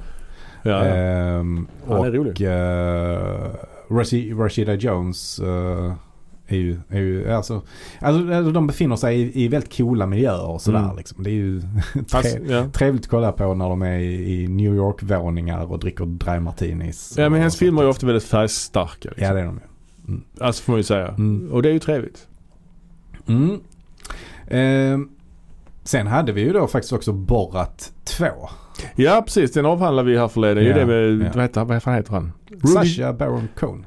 Ja, nej jag tänkte på han. Rudy, Rudy Giuliani. Giuliani. Ja, det har Ja. blivit väldigt omtalat på grund av Ja det. det har den ju. Det har den ju. Han är ju supertokig nu. Giuliani, har han gjort något mer nu? Ja men han höll ju, nu spelar vi in det här eh, efter Ja. eh, stormningen av Kapitolium i Ja. USA. Det var ju, han, Trump höll ju ett tal innan. Mm. Men han var ju också där och höll tal. Mhm. Han sa en sån, någonting med typ trial by combat. Ska ha trial by combat. Okej. Ja det är, så- Ja. det är så sjukt. Ja, Ja, det Borat-filmen. sjukt. Ja, men Borat-filmen har vi snackat eh, ganska mycket om ju. Ja. Men, ehm, men den kom ju i alla fall i, under 2020. På, Så- eh, direkt på Amazon va? Ja, Ja. ja. den. Och den kom ju precis innan valet. Ja. Och eh, den kanske till och med påverkade valet eh, lite eftersom Mm. den, eh, den visade på eh, lite grann hur crazy eh, vissa Trump-anhängare kan vara. Ehm, Ja. Jag såg också en film som heter Palm Springs. Ja, det är med... Det är med Andy Samberg. Sandberg. Som är gammal, han har varit med i um, Saturday Night Live och, och sen har han det här eh, Lonely Island eh, i gruppen. De har gjort lite filmer också. Men det är någon känd som har gjort den här Palm Springs, är det inte det? Eh, nej, regissören är en förstagångsregissör. Aha, okej. Ehm, men, men J.K. Simmons är med. Ah, Och så Christina Milioti är med också. Men jag känner. Eh, nej, men hon är lite, hon är lite up and coming tror jag. Alltså Vad har hon med och gjort hon, hon är med i en episod av, av eh, den här Black Mirror. Ja. Eh, en av de bästa episoderna faktiskt. Där även Jesse Plemons är med. ja, den Star Trek-episoden. Ja, och hon spelar ju den kvinnliga huvudrollen. där. Ja, ja, ja. Eh, Okej. Mm. Ja. Kan man säga. Och, och hon, hon är skitbra. Och, och den här filmen det är ju en, en, eh, en slags eh, sån här time loop eh, comedy. Mhm. Eh, som Grand, Greyhound Day. Groundhog Day. Groundhog Day, Ja. precis. Ehm, men det vet man inte från början. Ah, okej. Eh, Så att det, det märker man efterhand. Så att nu Ah. spoilar jag lite här tyvärr. Ja. Men, eh, men det är ingen jättestor spoiler. Den är nog marknadsförd som en, som en time loop comedy ändå. Liksom. Mm. Och ehm, eh, för att vara en time loop comedy så tycker jag att den är eh, inte lika bra som originalet men, Nej. eh, men nära på alltså. Nära jag tycker den, tycker den är riktigt bra. Och det är ju faktiskt en romcom också. Mm. Eh, Det är inte så ofta man, man ser den genren längre. I alla Nej, fall inte som väl- går på bio. Ja, den har väl dött lite grann. Ja det har den. Ja.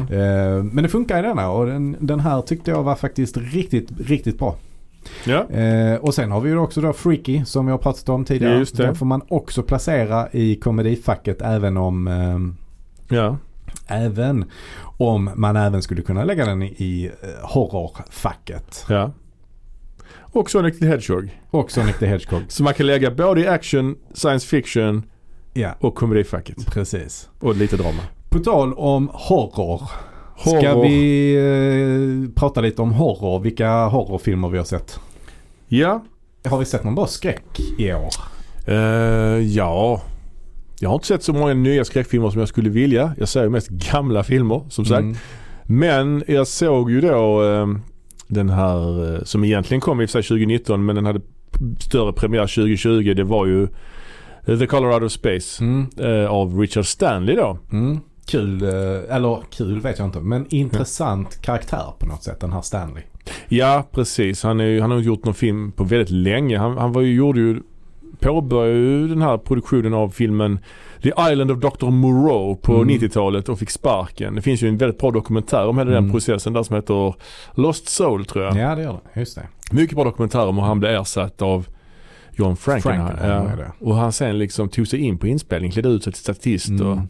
Ja, den, den är riktigt bra. Och Frankenheimer verkar ju vara en riktigt störig människa ju. Ja han fick inte, O- Otrevlig. ja, han port- porträtterades inte väl i den Nej, dokumentären. nej. Richard Stanley slog väl igenom tidigt, sent 80-tal. I och för sig alla involverade, alltså Ja. Marlon Brando Ja, Val Kilmer. innan. Ja just det. Och att Val Kilmer var så otrevlig, det visste man inte heller. I, alltså, Ah, eller det jo, ni jo, det har man ju hört, absolut. Ja. Men det var kanske där, när den gjordes, som han var inne i sin allra värsta primadonna. eh, Ja det måste ju varit en mardröm. ja, Att ha ja. både Brando och Val Kilmer att ha att Mm. göra med. Mm. Eh, under, ja. Men han, han slog igenom tidigt, eh, sent, eh, förlåt, tidigt 90-tal, sent 80-tal där med den här filmen Hardware. En sån här sci-fi film. Eh, tror Iggy Pop har en liten roll där. Mm. Eller är det Tom Petty? Nej Iggy Pop är det va? Och Lemmy. Ja, Ah, Lemmy Kilmister. Exakt. Ja. Nej, jag har aldrig sett den faktiskt. Ja, Jag har nog sett den för många, många år sedan. Mm.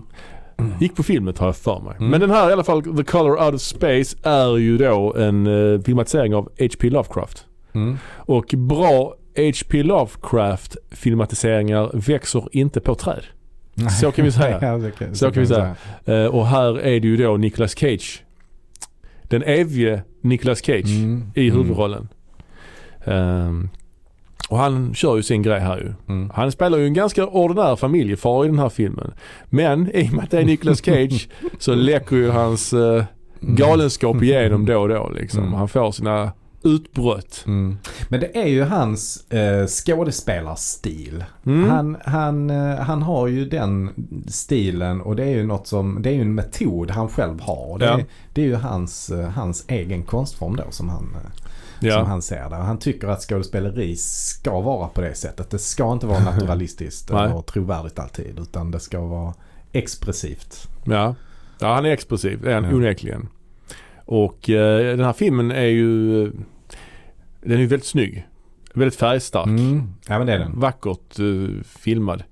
Eh, det är ju eh, mycket lila. Mm. För den här, Mm. det, det handlar om en familj i New England någonstans tror jag. Och det landar någon slags uh, meteor på deras, Mm. eh, i deras trädgård. Mm. And weird, weird shit starts to happen. Ja, Ja. Och så är det lamadjur. uh, alpackor. Alpackor. ja det är ett, så, det är ett sånt litet, är, är det ett hip, hipsterdjur? Kan Ja man det säga kan det? man ju säga. Ja, de har alpackor och det blir ju lite body horror över det. Lite the thing också, alltså Ja. med alpackorna. Mm. Ehm, den här färgen, lila färgen också som återkommer. Jag tror den här färgen beskrivs väl i Lovecrafts novell som någon helt ny färg. Ja, alltså en färg precis. som inte går att man har aldrig sett den tidigare. Nej, exakt. Ja. Det går ju inte att göra på film naturligtvis. Utan här, här är det lite mer lila istället då ju. Men en annan eh, skådespelare som gör en liten roll är ju Tommy Chong. Mm. Mm. Cheech och Chong eh, då. Känd från Cheech och Chong. Han spelar ju väl, Pappa till Ray Don Chong. exakt. Han spelar en slags eh, shaman eller någonting kan man väl Ja, säga. precis. Och vill man höra mer om Ray Don Chong så kan man ju gå tillbaka till vårt avsnitt kanske nummer tre, Ja, två till och med. nummer två Ja. och lyssna på Commando-avsnittet. Eller Ja. Arnold Vico som det heter. Ja, det kan jag rekommendera. Ja. Ja. det, kan, det är ett gammalt avsnitt men ändå... Gammalt men ändå fortfarande ett av våra bästa avsnitt. Tråkigt att vi inte har förbättrats, att vi har blivit bättre på det vi gör sen dess. Men, Ja, ja. Ja, nu är orättvis. Jag är självkritisk. Ja, självkritiskt. Men ja, men jag tycker, jag tycker det här är en, bra, eh, en rätt så bra film. Rätt så bra skräckfilm. Snygg, snyggt, film, snyggt fotad som sagt. Men sen har jag lite problem överlag med att när folk får hallucinationer i film. Mm. Jag tycker Mm. det sällan är skrämmande. Mm. Om det inte, alltså det kan ju vara det men i den här filmen blir det inte det. Mm. Alltså det där är ju intressant hur man, hur man gör det Mm. på film. Jag gillar mer när filmen utvecklas till någon slags body horror. Då blir det Mm. mer äckligt. Ja. Men just det här med ha- hallucinationer det är ju Mm. Det har många, många försökt eh, med Precis. blandad framgång. Få har lyckats. Ja, vad tyckte du om filmen då? Jo men jag håller med dig i, i stort. Jag, jag uppskattar ju Nicolas Cage mer och mer faktiskt. Mm. Alltså i alla Ja. fall när jag på något sätt vet att han, att han, gör, att han gör det överdrivet med flit. Ja, precis. Att han, att han överdriver. Mm. Liksom. Alltså jag tycker ändå, tycker ändå det är kul att han, att han står fast vid sin idé om, om att göra det på det sättet. Ja, verkligen. Ja, det är det. Ehm, Jag gillade Så ju... att, nej men jag tyckte den, den, ehm, den, hade, den, hade kunnat, den hade kunnat göras lite tajtare liksom, tycker Mm, jag. mm. Eh, där, är, där är mycket konstiga sidospår med den här, eh, någon som håller på och forskar med vattnet där som håller på och- Just det, just det. Ihåg. Ja, det är mycket med Eh, vattnet ja. ja, och så träffar han eh, dottern då och så Mm. blir de lite vänner. Mm. lite konstig sån sidohistoria tycker jag. Ja. Men jag gillar body horror-elementen och ja, verkligen. Radon, eller eh, Tommy Chong gör ju en eh, kul karaktär. Ja, exempel. verkligen. Så verkligen. ja, men jag tycker det är faktiskt en, en helt habil film. Alltså underhållande, rolig och eh, läskig samtidigt. Ja, verkligen. Absolut. Som det ska vara. Ja. Någon annan skräckis du vill framhäva från år Ja, 2020? men jag, jag kollade faktiskt på den här Peninsula. Ah, ja, ja. Zombie-rullen. Zombie är ju en eh, riktigt nice genre tycker jag. Som fått ett stort uppsving under hela 2010-talet ju. Mm, det har det. Ja. Verkligen. Och eh, det här är faktiskt en koreansk zombie-film. Just det. Eh, som är då en uppföljare på eh, Train to Busan. Mm. Eh, som ju då handlar om ett eh, zombieutbrott i, i Sydkorea. Och så får vi följa då en, en, en pappa och en dotter eh, när de är, när de är på det, fast på det här tåget som får ett, då ett zombieutbrott på Mm, tåget. mm.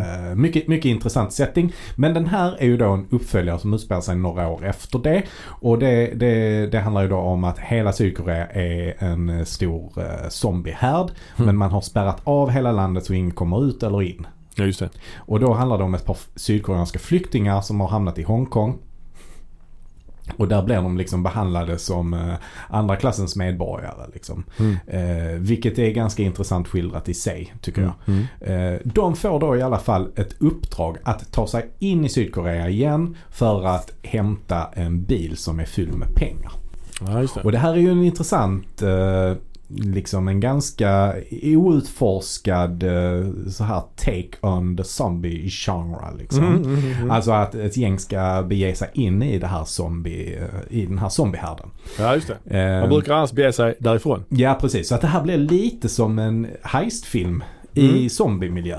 En genre, genre mashup kan man säga. Ja det kan man säga. Mm. Och sen så har den även drag av alltså lite så här apokalyps-tema. För det, när de väl kommer till Sydkorea så upptäcker de att det finns fortfarande icke-smittade människor där som faktiskt Mhm. har något slags eh, samhälle där. Mm. Eh, och, men det samhället har ju blivit någonting annat. Så att det är lite så Mad Max-tema där kring det. Ja, det måste jag säga. Ehm, Mm, men filmen ehm, är ju inte helt lyckad ändå. Den, den Okej. låter ju jätteintressant på den här beskrivningen. Ja, det tycker jag. Mm. Ja. Och därför tycker jag också man ska se den. Men sen, sen har den kanske en del, en del brister. Ja, liksom. den, är, den är väldigt, precis som Train to Busan, hade också en jättebra premiss. Mm. Men ehm, ju längre filmen gick desto fler brister kom det ju i filmen. Och den, Ja. den blev mer och mer generisk zombiefilm. Och eh, samma sak är det här. Att Ja. den, den går mer och mer åt att bli generisk. Och det är väldigt långa utdragna scener. Och du vet, med, med, med, med, flera slutsekvenser så att säga. Så att man Mm. tror att okej nu slutar filmen. Ah, Nej, Nu okej. fortsätter den lite. Nej, nu slutar den. Nej, inte nu heller. Sagan om ringen-syndromet. Ja, precis. Li, lite så kan man säga. Ehm, så att, jag tyckte inte den var, den var jättelyckad. Uh, faktiskt. Tyvärr. Det var synd ju. Mm, Men jag synd. tror jag kommer säga den ändå. Mm, det ska du, det tycker jag. Det tycker jag ändå man ska göra. För den Ja. är, har ett underhållningsvärde, definitivt. Jag såg en film som heter The Platform eller Hålet. Mm. Det är, ju Just lite, det. det är lite Den har jag sett skräckig. också. Man skulle kunna lägga in den i sci-fi-genren också förvisso. utspelar sig ju i något slags fängelse. Ja, Eh. precis. Alltså den var faktiskt eh, eh, förvånansvärt bra tyckte jag. Ja, alltså det, det- är ju i ett fängelse, ett eh, vertikalt fängelse. Mm. Och i mitten av varje cell, det är två som delar cell och i mitten av varje cell så är det ett hål Mm. som leder ner till nästa våning och så vidare. Och sen så eh, någon gång om dagen så sänks det ner ett bord från hålet Mm. eh, ner i cellen och stannar där. Det svävar liksom. Mm. Alla sci-fi. Och det är då eh, fyllt med olika maträtter. Mm. Och eh, den som är högst upp i högsta våningen har ett fyllt bord. Mm. Och sen så blir det mindre och mindre mat ju allt eftersom. De det, har, det är riktigt fin mat också. ja, de har ju begränsad tid på sig att äta av det för sen Mm. åker ju bordet ner. Och de får inte lov att behålla någon mat heller. Nej. För då, kommer, då blir de straffade. Mm. Så de måste äta det medan bordet är där. Så de har, säg att det kanske är tre minuter eller något sånt. De har, Ja. Så de, de, varje gång bordet stängs ner så måste de ju verkligen käka som tusan. Precis. Eh, och frossa i sig så mycket som möjligt. Och det handlar ju då om, detta är ju typ en, naturligtvis en metafor för samhället, fördelningen Mm. i samhället. Det Mm. handlar ju om, de som är högt upp kan ju välja då att äta överdrivet mycket eller Mm. äta lagom mycket så att det räcker till alla så att säga. Mm. Eller det gör det ju inte för det är hur många våningar som helst. Mm. Så de som är längre ner får ju typ ingen mat. De har ju bara tomma tallrikar och glas liksom. Mm. Och så får varje fånge också ha med sig ett föremål in Mm. i sin cell. Mm. Så han som eh, det handlar om, Huvudkaraktären Ja. då har ju med sig en bok. ja Don Quijote? Mm. Det spanska nationaleposet. Mm. Och sen, det är lite otydligt där men ett, tu, tre, han vaknar ju upp i olika våningar Mm. allt eftersom filmen. De är en månad på varje Ja, våning. Så var det. Och så ska han vara där totalt i sex månader. Precis. Men där är ju vissa som, som, som är där flera år. Men han, det är väl, han har själv valt att gå in Mm. där ju. För att när Mm. han sen kommer ut efter sex månader så kommer han få någon form av stipendium eller till Ja, stilen liksom. Precis. Ja. ja men, Eh, men men eh, ja, jag tyckte faktiskt verkligen att eh, en, en väldigt så enkel konceptfilm ja, som, som verkligen funkar bra tycker jag. ja, absolut. Det man vet aldrig riktigt var den ska ta vägen så man sitter på och är rätt spänd hela tiden. Ja, även den hade premiär eh, 19 egentligen på festivaler men den Mm. kom sen på Netflix Mm. 20 liksom. Så att vi räknar till 2020. Nej men jag tyckte den var riktigt bra faktiskt. Ja, Det var ett bra tips du kom där med. Ja, tack, tack, För det var tack. du som tipsade om den ja, Mm, en annan sån här lite mer eh, mindre indiefilm som jag kollade på. Det var Sankt, Sankt Maud. ja okej. Eh, jäkligt eh, intressant och eh, spännande film faktiskt. Det är en lite kitchen sink horror kan man säga. Mhm. Diskbänksskräckis. Mm. Mm. Eh, som då handlar om en, om en eh, ung kvinna då som eh, arbetar som, eh, som vårdare. Mm. Eh, Så att hon, hon bor hos en cancersjuk patient då och tar hand om henne. Eh, Sen utvecklar den sig till att eh, den har ju såklart ett, alltså hon, den heter ju Sankt Maud och den, hon är ju djupt troende och kristen. Ja. Men sen visar det sig att hon har ett förflutet eh, också. Den har drag av body horror också. Men, men även det här eh, liksom förföljelse. För att hon får sparken från det här stället där hon jobbar hos den här kvinnan. Som hon först kommer väldigt nära och blir väldigt god vän med. Liksom. Mm. Mm. Sen får hon sparken därifrån men då vill hon ju komma tillbaka för hon vill ju verkligen rädda henne då. Eh, Och få henne att bli eh, räddad av Jesus. Mm. Mm, men väldigt intressant och bra och eh, rätt äcklig emellanåt. Mm. Eh, och väldigt välspelad också Mm. av huvudrollen framförallt. Så den, den tyckte jag var faktiskt en av de bättre skräckfilmerna jag såg förra året. Okej. Var såg du den? Den såg jag på bio. Den Ah, okej. hann faktiskt gå upp och få, den gick en vecka ungefär på bio. Jaha. Eh, så den, den, den gick upp någon gång i, i november. Mm. Eh, och gick, eh, ja det var typ en vecka sen, sen stängde alla biografer liksom. Så att, Ja. men eh, det finns ju i och för sig vissa biografer som fortfarande har öppet och det är möjligt Mm. att eh, den går att se där. En annan skräckfilm vi såg på bio var ju den här Antebellum. Mm, just det. Um, Som var producerad av eh, Jordan Peele va? Jordan Peele ja. Och eh, den började med väldigt, alltså lång, eh, kommer ihåg en lång åkning genom en Mm. slags eh, slaveri Mm, mm, eh, community. mm, Det utspelar sig ju på, i södern där ju. mm, mm. Eller ja, den Mm. gör ju, Ja, inte- den nej, gör ju inte det. kan man säga. I, Eh. I början gör den ju det. Ja. Och sen så allt eftersom så får man reda på. Och detta är ändå rätt tidigt i filmen man får reda på att det inte är utspelar sig under uh, slaveritiden i USA utan Mm. det är nutid. För man ser lite sådana hintar. Ja, det. man har mobiltelefon helt plötsligt och sånt. Ja, precis. precis. Ja. Så att man blir, ja, det, det blir ändå en bit in i filmen har jag för mig. Man fick Ja. reda på det liksom. Men då blev man lite så perplex kring Ja. vad det handlade om. Jag tyckte den var avigt berättad alltså på det sättet. Ja, det var den. Det blev väldigt eh, konstigt. bara. Ja, det var den. Eh, sen tyckte jag också framförallt att den marknadsfördes väldigt mycket så här med att Jordan Peele har producerat och då Mm. tänker man på Get Out och man tänker på Us. Mm. Han är ju på något sätt en förnyare av skräckfilmsgenren Mm. kanske man kan säga. Jo, det får man säga. Ehm, men han har ju haft ganska lite med den att göra tror jag. Ja, det märks höll jag Eh. Ja, precis. Så den håller ju inte alls eh, samma klass som de filmerna tycker jag. Nej, nej, verkligen inte. Jag tyckte nästan, var, nästan att den var riktigt dålig alltså. Mm. Faktiskt. Jag tycker inte den var dålig men jag hade väntat mig någonting helt annat än vad det var. Ja, jag hade... Och framförallt så tycker jag nästan att, ja men är det ens en skräckfilm liksom? Det är lite det jag kände. Ja, men just att det var berättad som den var gjorde att den...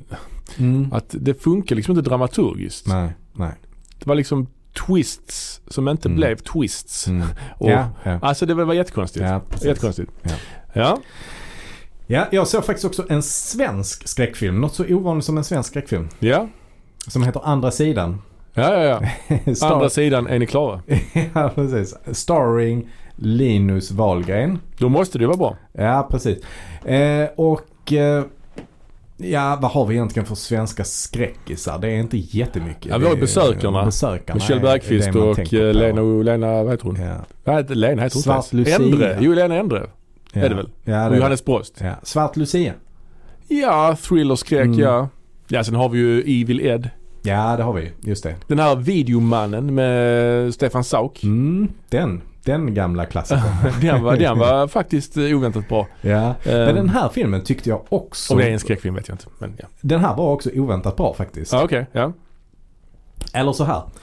Den har ingen form av originalitet överhuvudtaget liksom. Allting, Jag gillar det. allting är hämtat från, eh, från, andra, från andra verk. Men man har ändå lyckats, men jag antar att det är en ganska tight budget så har man ändå lyckats göra en skräckfilm som faktiskt är läskig. Mm. Eh, som är obehagligt gjord och tekniskt sett så funkar det jättebra. Eh, tycker jag. Ja.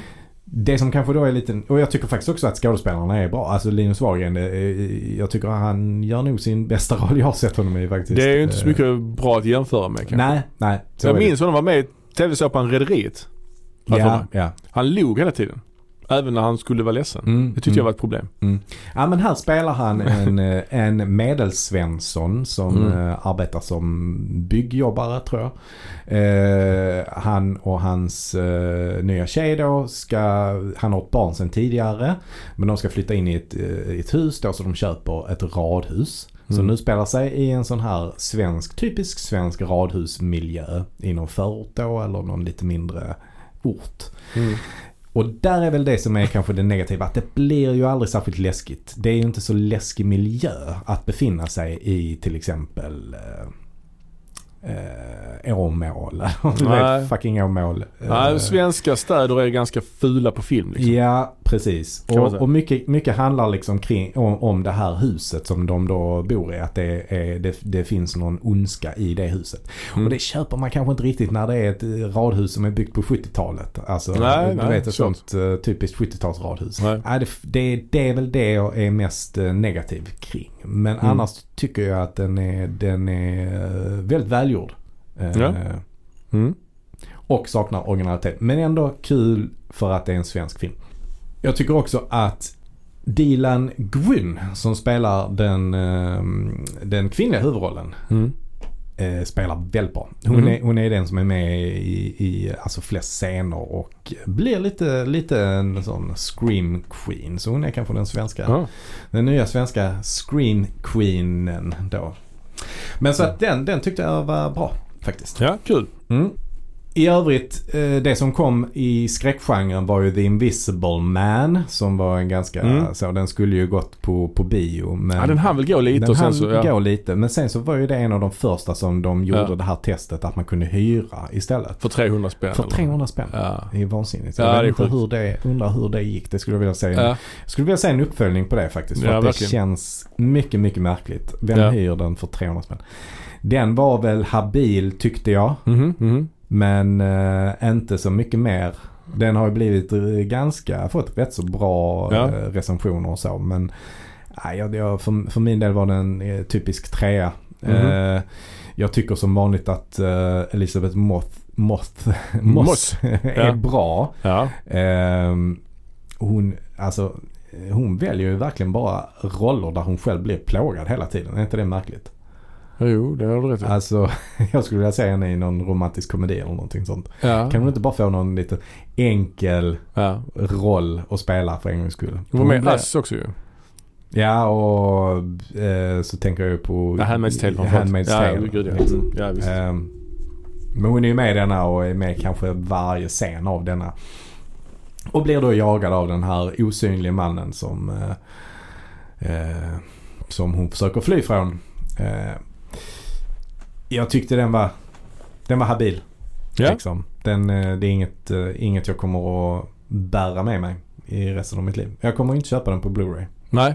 Ja, jag, jag har inte sett, hunnit se den än men jag, jag, jag kommer att se den. Jag gillar ju regissören har gjort den här uh, Upgrade. Den tyckte jag mycket om. Just det. Ja, Just det. Jag jag tyckte inte heller att den var så himla bra. Så att eh, så är det ibland att man eh, Ja. inte riktigt gillar det som alla andra gillar. Men, men ja, däremot så såg jag en eh, film av David Cronenbergs son Brandon Cronenberg som heter Possessor. Ja. Den kommer jag definitivt köpa på Blu-ray när den eh, blir tillgänglig. Okej, okej. Eh, för den var riktigt, riktigt bra. Mhm. Eh, tyckte jag. Den, den, den, den spelas, eller de som är med den är hon, hon som också är med Mandy. Andrea Riseborough tror jag hon heter. Mhm. Eh, och så har vi Jennifer Jason Lee Oj. och Christopher Abbott Ja. som ju har varit med i Girls. Mm. Eh, är med också. Och så faktiskt Donald Sutherlands son. Kiefer? Nej, Nej. utan en annan.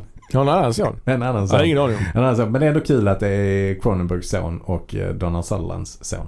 Ja, det är ganska kul. Ja, Absolut. Lite, lite intressant kanske. Ja, Jag ja, ja. Eh, men, men fan vad den var ja, jobbig att kolla på den här filmen tyckte jag. Alltså, den, den är riktigt, riktigt eh, snyggt gjord och eh, vad ska man säga, oväntat blodig faktiskt. Mhm. Alltså den börjar inte riktigt så. Den börjar lite mer i sci-fi eh, i sci-fi stilen. Ja. Men sen bara blir det, det blir rätt mycket body horror av det. Tycker Ja. jag. Alltså, Sådan fader, sådan son. Kan man säga det? Lite så kanske. Ja. Ehm, ja, det, det, det den handlar om egentligen är att um, Riceborough spelar då en, en, en sån här lönnmördare. Mm. Som man säger. Och, och det hon gör det är att hon, eh, man kan, man kan då implantera ett chip i andra människors hjärnor. Eh, och då kan hon då ta över deras kroppar. Hmm. Och så utför hon morden som någon annan. Mhm. Så att eh, om hon då till exempel ska, eh, hon, vill, hon vill mörda en rik eh, affärsman till exempel. Eh, då, då kan hon då implantera sig själv i affärsmannens dotters pojkväns kropp. Och när de då är där på någon middag så kan han bara helt plötsligt så mm, utföra Mm. mordet. Mhm. Helt oväntat. Hmm. Mm. Så att det är ju en rätt så intressant idé. Mm, mm, tycker jag. mm, absolut. Ehm, så att det här är ju då en slags eh, sci-fi men den, den utspelar sig mer i en alternativ verklighet än att den utspelar sig i framtiden. Ja, okej, okej. Där då den här tekniken finns. Eh, och eh, själva konflikten i filmen handlar ju då om att hon har gjort det här för länge så att hon börjar då få att skapa ett band till de kropparna hon tar över. Mm. Så att, så att för att det som, det som hon egentligen ska göra efter att varje mord är, är utfört det är att hon ska ta livet av sig för då eh, kommer hon tillbaka till sin gamla kropp. Hmm. Men hon, hon kan inte göra det längre. Mhm. Så att eh, det är det som då är hennes, eh, hennes problem Hmm. i det. Så att eh, den här var faktiskt väldigt bra och den vill jag verkligen se om igen. Eh, Ja. Så att jag längtar tills eh, Blu-ray-släppet kommer. Ska vi gå över till TV då? Ja det gör vi. Ja. Vad har vi för några TV-serier som är värda att nämna då som har kommit i år? Ja men det kom ju faktiskt säsong 4 av Fargo. Ja. Den har vi ju pratat om tidigare tror jag. Mm, vi, har, vi har nämnt det. Ja. Den, den kom i år i alla fall. Ja, just det. Ehm, den eh, är ju som sagt en av de svagaste, eller det är den svagaste säsongen hittills eh, Ja. av Fargo. Men Fargo är så pass bra så att det är ju ändå, det gör ju ändå att den här hamnar på topp av det som har kommit i år tycker jag. Mm. Mm. Timothy Olyphant, han Just har det. ju varit extremt eh, aktiv eh, de senaste åren. Han var med både i förra året i eh, den här eh, Hollywood-filmen Ja, Tarantinos. Tarantinos. Mm. Ja, absolut. Eh, och sen så har han ju varit med också i år i, vad var det han var med i? Mandalorian var med. Ja, det var han ja. Just det. Så att han är och han gör en jätte, jättebra roll här i uh, Fargo. Ja. Men, men Chris Rock som sagt är inte, är inte jättebra som maffiaboss tycker jag. ja, det känns ju Och udda. sen i den här säsongen blandar de också in en massa så övernaturliga saker och, och spöken och sådana grejer. Och så att det, nej, Ja, det är Nej, det var, det, den är mer orealistisk än vad Fargo brukar vara. Mm. Eh, och inte lika mycket svart humor och så som det brukar vara också. Så att, så att jag tycker att, eh, att den här var lite svagare än de andra. Men Jessie Buckley är med i den här också. Det var hon som spelade huvudrollen i I'm thinking of ending things. Ja, ja. Eh, hon är definitivt en behållning med den här eh, säsongen. Och Ja. eh, väldigt bra. Spelar en sjuksköterska som mördar sina patienter. Hmm. Ja, bara en sån sak. Du nämnde Mandalorian. Det gjorde jag ja. Och den har ju kommit med säsong två i år också Mm. ju. Den har ju Mm. blivit väldigt eh, ja, omtalad är väl Mm. Alltså omtalad är den ju inte. Det är inte så att den är kontroversiell. Men den är ju Mm. Disney plus eh, lite grann en USP för dem. Ja det är det. Det är har ju det egentligen absolut. varit det enda Ja. som har kommit på Disney plus. Ja. Eh, som, har, som man inte har sett innan höll jag på att säga. Men fan jag älskar Mandalorian alltså. du gör det? Ja det gör jag. Ja. Definitivt. Jag tycker den är så jäkla skön att kolla på.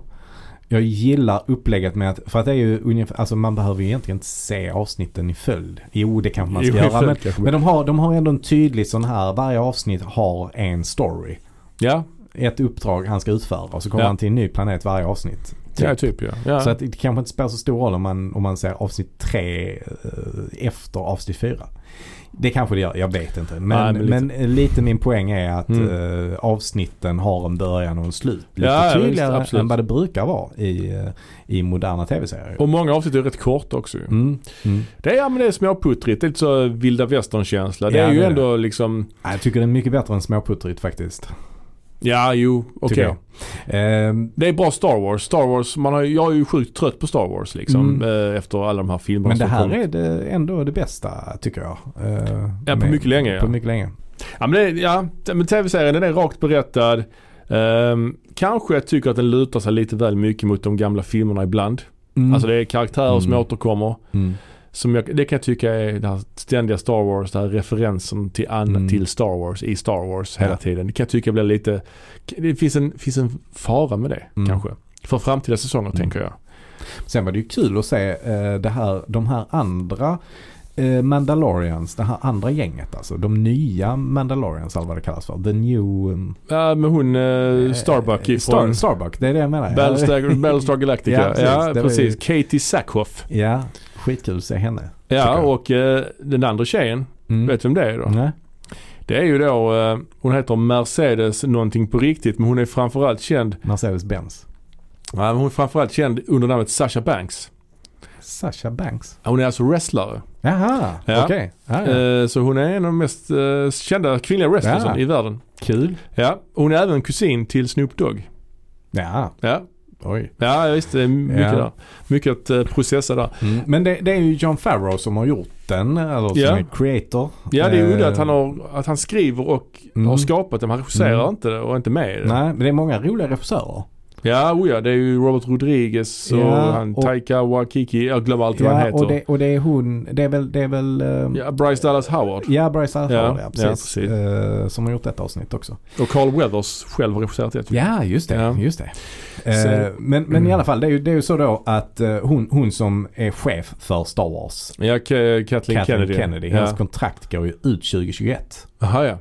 Och då är det ju många nu som eh, tänker att ja, men John Favreau har ju varit Aha. eh, jäkligt bra. Alltså, han, har ju, han har ju varit engagerad i Marvel eh, Cinematic Universe också. Oh, Eh, så att det är många som tänker att han ska ta över skutan nu efter Kathleen Kennedy. Ja, spännande. Om inte hon får förlängt. Ja, just det. Hon har väl varit ändå och bra tror jag.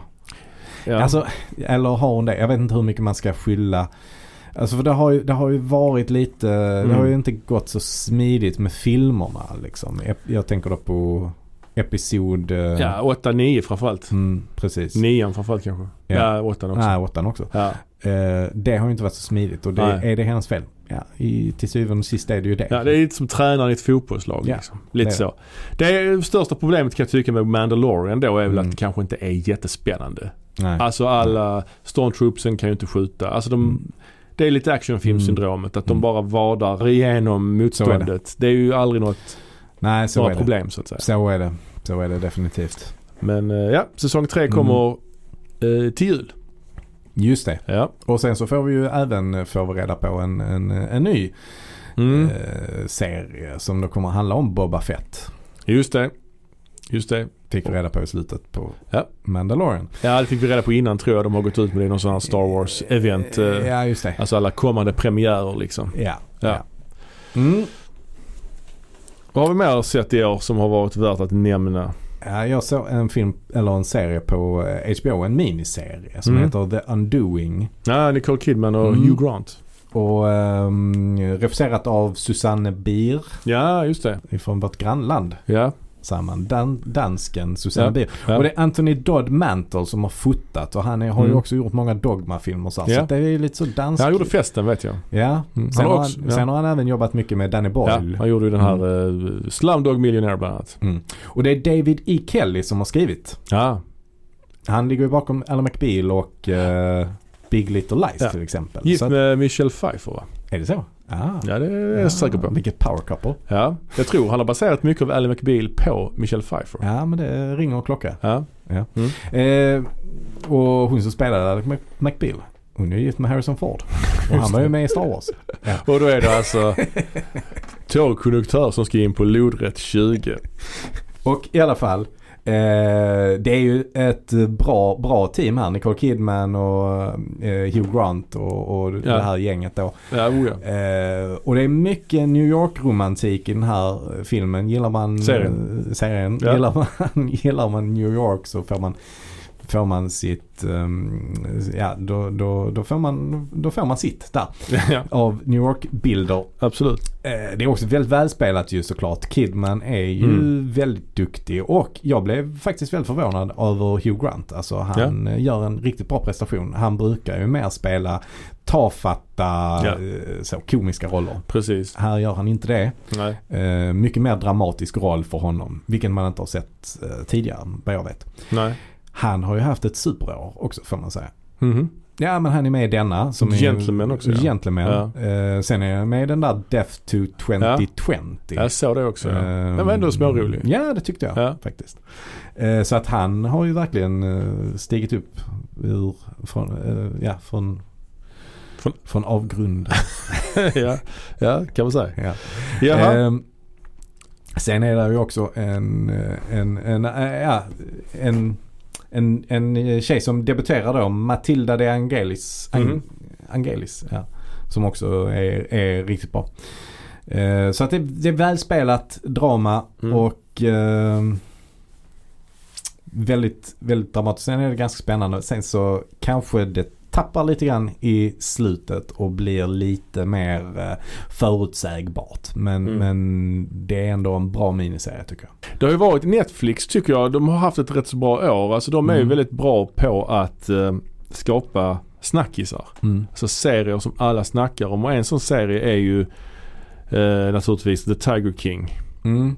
Eh, som, som eh, släpptes ungefär samtidigt som coronan eh, på allvar kom till Sverige. Mm. Så det var ju många som satt hemma och kollade på det. Mm. Och även i andra länder naturligtvis. Ehm, ja, vad tyckte du om Tiger King? Nej, jag tyckte den, ja det var inget jag uh, föll för, för riktigt. Alltså Nej, jag, jag jag, kollade på det Mm. men med ett ganska svalt intresse kan man säga. Ja, alltså det är klart det är en del märkliga karaktärer och så vidare. Ja. Men den är ju, nej jag tyckte inte det var så jävla bra heller alltså. Och det är ju rätt så upprörande också. Ganska alltså, märkligt att man får lov att ha, som privatperson bara kan öppna ett zoo sådär Mm. hux flux Mm. i USA. Ja, det är, det, är, det är jättemärkligt. Men det är mycket som är märkligt i USA. Det är också Alltså, svårt här att relatera till det här att stora kattdjur som statuspryl. Mm. De pratar mycket om det. Tänk, tänk att få klappa så stora katter. Eller Mm. få gå omkring med en tiger i koppel och sånt. Mm. Bara, nej, det har jag aldrig tänkt på innan att det skulle vara sådär märkvärdigt, fantastiskt. Liksom. Men det är, ju, det är ju många sorgliga öden där. Oh ja. Och många, många, många människor som verkligen inte mår bra som, som finns med i den här dokumentären. Ju. Ja.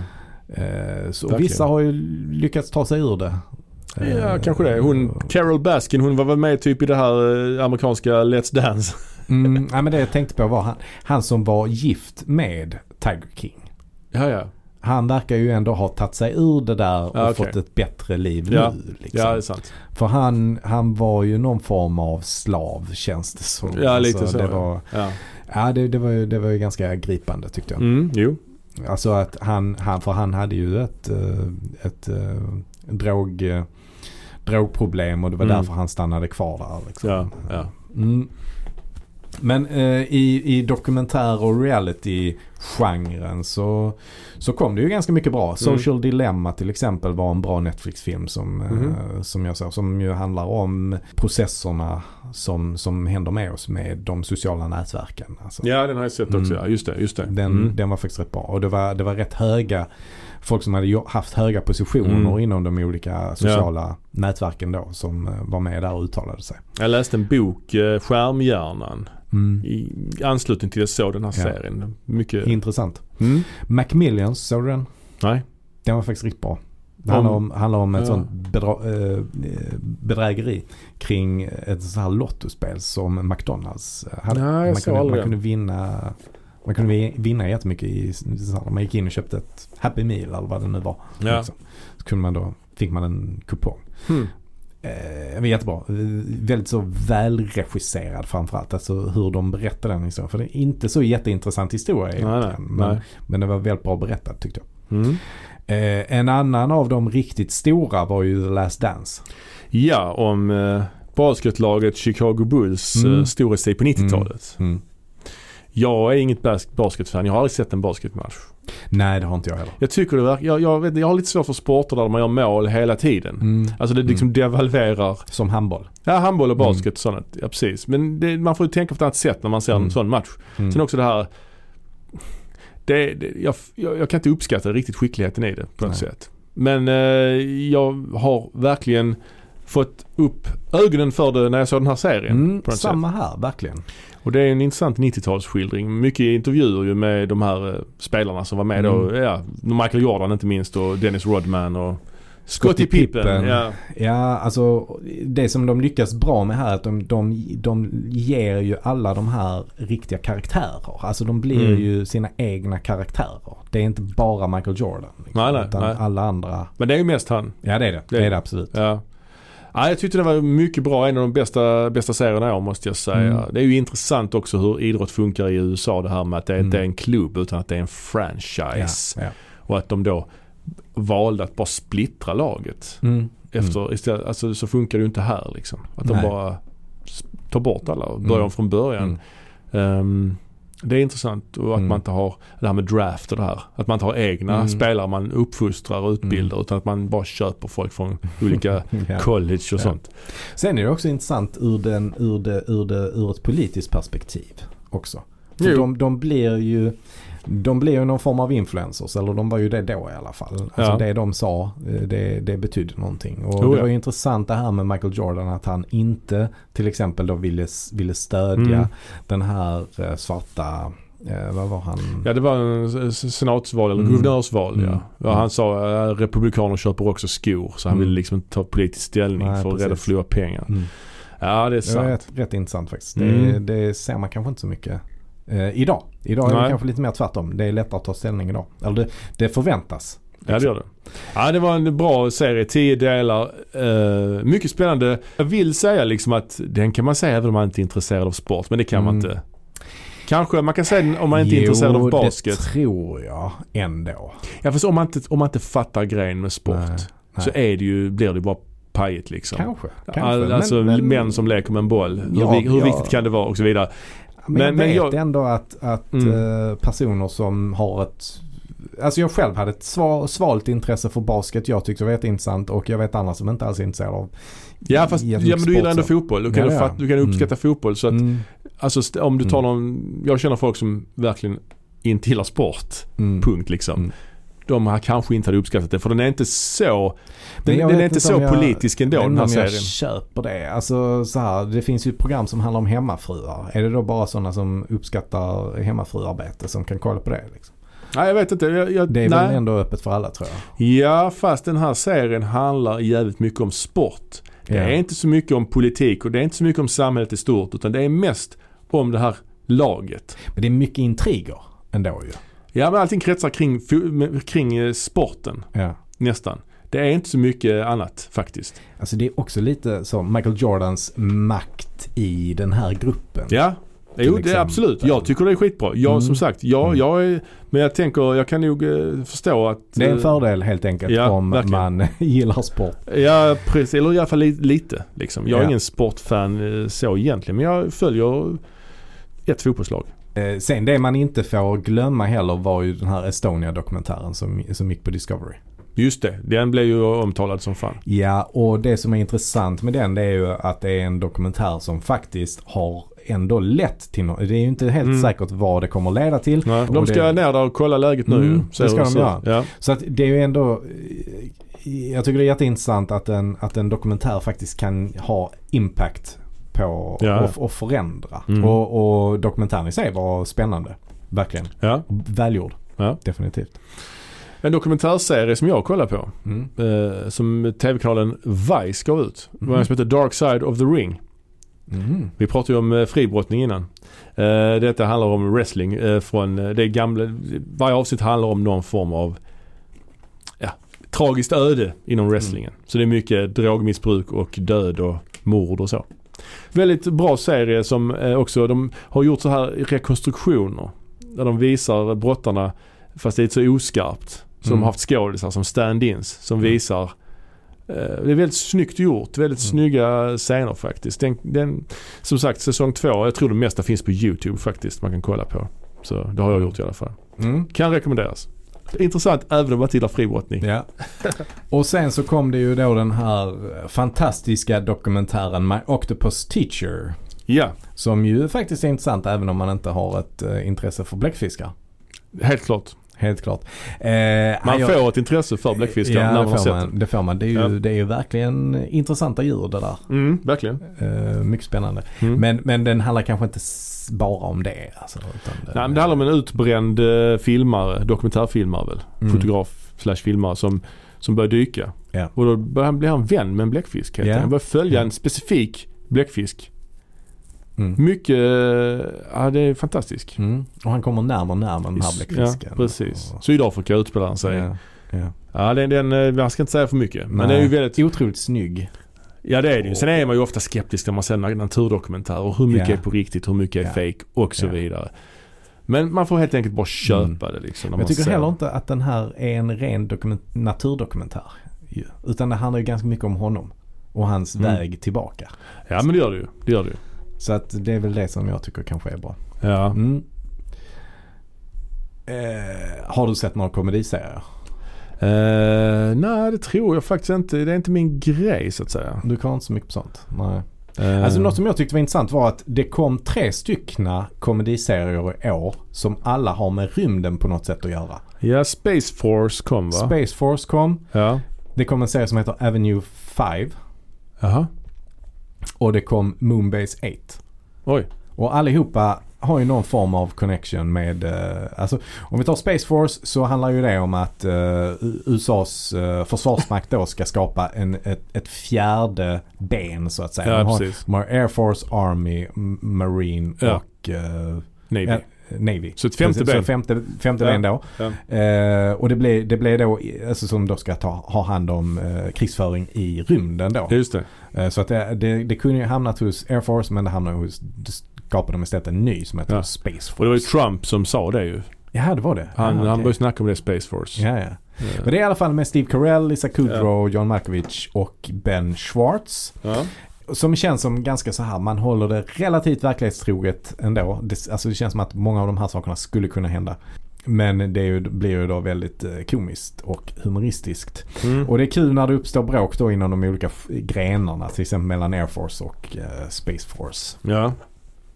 Så det är väl på något sätt tänkt att vara som något slags fylla det här tomrummet efter VIP kanske. Ja, okej. Ja. Som ju är lite... Ja. Eh, Avenue 5 som ju var den, den tredje då. Den är ju eh, väldigt annorlunda för den utspelar sig på ett, i framtiden och på ett rymdskepp. Ja. Eh, så att den har lite likheter med eh, den svenska filmen Aniara. Ja, okej. För det är lite grann samma grundstory fast Mm. det här är ju en komedi istället. Ja, ja, ja. det var inte han i år kan man inte säga. Nej det kan man inte säga. Men, men det är ungefär samma grundstory. Att det är ett rymdskepp som eh, ska, ska ta passagerarna eh, till en annan planet. Men det hamnar ur kurs och de kommer inte in tillbaka. Mm. De kommer inte Mm. komma tillbaka så. Och då handlar det om hur kaptenen då hanterar detta. Och kaptenen spelas då av eh, Eh, ska vi se vad han heter? Hugh Laurie, heter han så? Ja, precis. Han är House. han är House, ja. Ja, precis. Ehm, och det är Armando Iannucci som har gjort den som, eh, Mhm. som ju är den som har skapat The Death of Stalin. Ja, den har jag sett ja. Kul. och även jobbat med VIP också Mm. faktiskt. Så att den här är rätt, eh, är rätt rolig faktiskt. Mm. Tycker jag. En annan science fiction-serie. Mm. Eller du hade en till där? Ja det var Moonbase 8 med Ja. John C. Reilly. Ja, just det. Eh, den, den har jag inte sett så mycket på så jag kan inte säga så mycket om den. Eh, jag har bara sett några få avsnitt. Men jag tycker ändå det är intressant att, att de här tre som ändå är relativt lika varandra Mm. kommer nu samtidigt. Den här The Orville. Det, vad är det då? Det är väl också, det med han eh, Family Guy. Seth. Mhm, så McFarlane? Ja. Eh, precis. Jag vet inte om den kom i år. Men den Nej. finns ju också Mm. i den genren. Men eh, också en av de bättre sci-fi eh, var Brave New World faktiskt. Ja, ja. Den har inte fått jättebra kritik. Nej. Men jag tyckte faktiskt att den var riktigt bra. Den blev inte förlängd tyvärr. Okej. Det är med han som spelar Han Solo va? Ja det är det.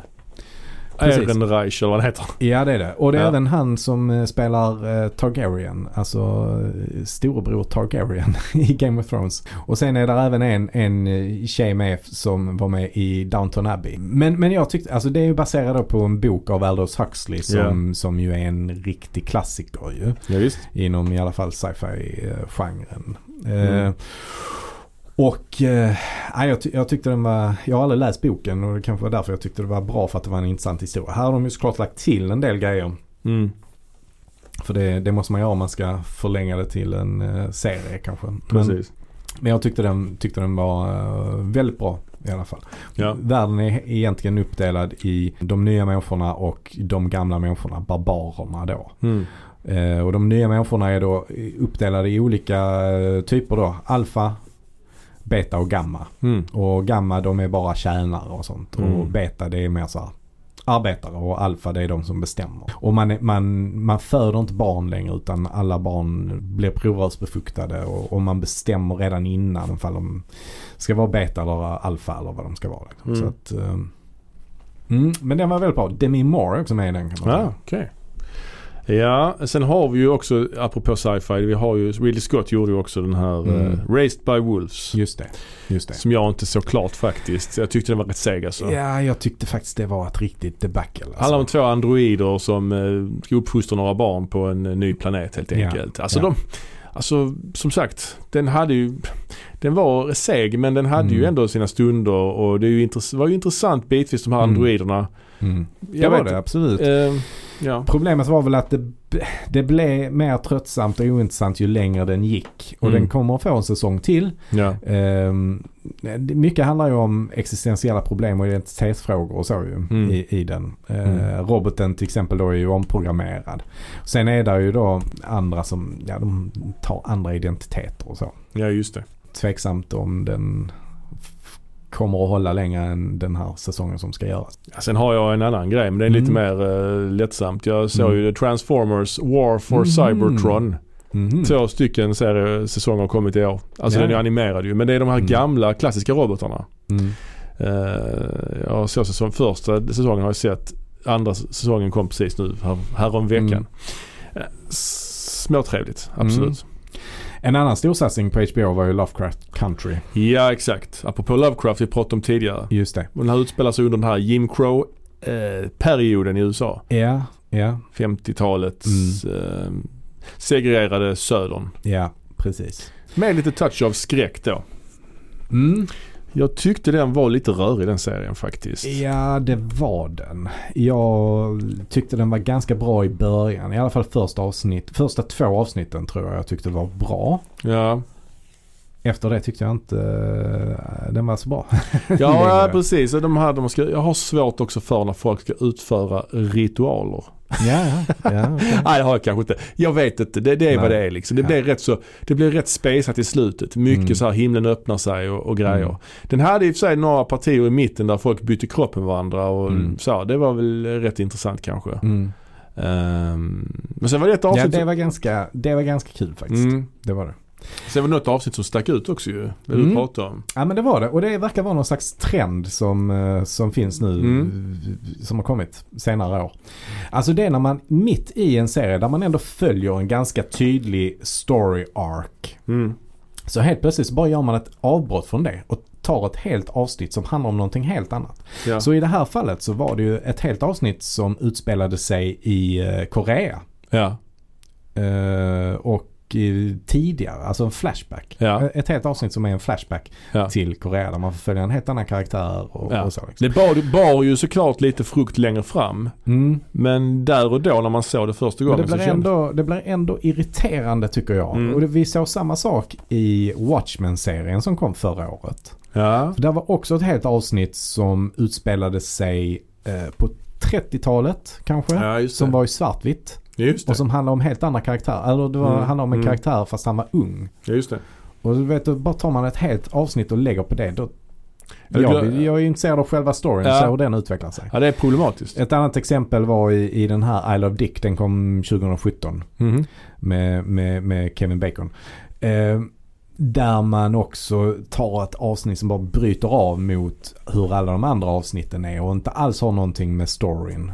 Hu- huvudstoryn att göra. Utan bara särskiljer sig helt. Där var, det, där var det ännu mer. Där fick man liksom verkligen, så här, alla bikaraktärer fick varsitt litet segment i det här avsnittet. Mm. Så bara gjorde man en djup, djupdykning i de här bikaraktärernas eh, bakgrundshistoria och sånt. Och Ja. ja. jag, jag tycker det är en trend som jag hoppas försvinner. Verkligen. För att eh, Tänker på det här också, Breaking Bad. Där kommer ett avsnitt där de jagar Mm. en fluga i det här det. labbet. Det var ju inte det. lika radikalt men det var ändå Nej. liksom det storyn var stann. ett stilbrott. Ja, precis. Jag vet, du vet serietidningen The Sandman som Neil Mm, Gaiman gjorde. Mm, mm, Det är ju liksom flera långa story arcs. Ja. Man kan jämföra dem med en säsong kanske. ja. Och han brukar också lägga in ett nummer då Mm, eh, i mitten som inte hade med, riktigt med huvudstoryn att göra. mm. Som det var mer som en liten novell. ja. Men det är inte riktigt så det är ett annat medium så det ja, funkar jag, på ett jag annat sätt. köper Liksom. liknelsen, absolut. Mm. Eh, vad tyckte du om det då när det hände i, i, i Sandman? Alltså det där, jag läste ju dem i albumform så att Ja. det, var det, ju, det går ju mycket fortare. Ja, ja. Så att det var inte lika störigt såklart.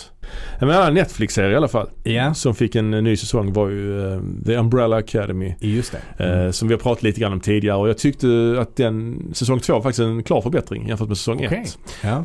Uh, utspelar sig mycket på 60-talet. Handlar om Kennedy-mordet som Mm. jag tycker är väldigt intressant och ja, den, den eh, Mm. var trevlig. ja, jag har inte sett mycket på Umbrella Academy faktiskt. Jag har sett eh, halva första säsongen. Jag Ja. tyckte det var bra men av någon anledning så var det något annat som eh, Ja. tog över intresset där. Ja, den är inte Så superengagerande. Den är Nej. inte, men ja, Ellen Page som numera då heter Elliot Page Mm. sen en, någon, Mm. någon månad tillbaka. Hände också under 2020. Just det. Eh, Jag har också skaffat Amazon Prime och kollat lite på serierna som finns där. Ja, Och det jag egentligen vill sammanfatta det med att det är inte så bra alltså. aha. Faktiskt. Tyvärr.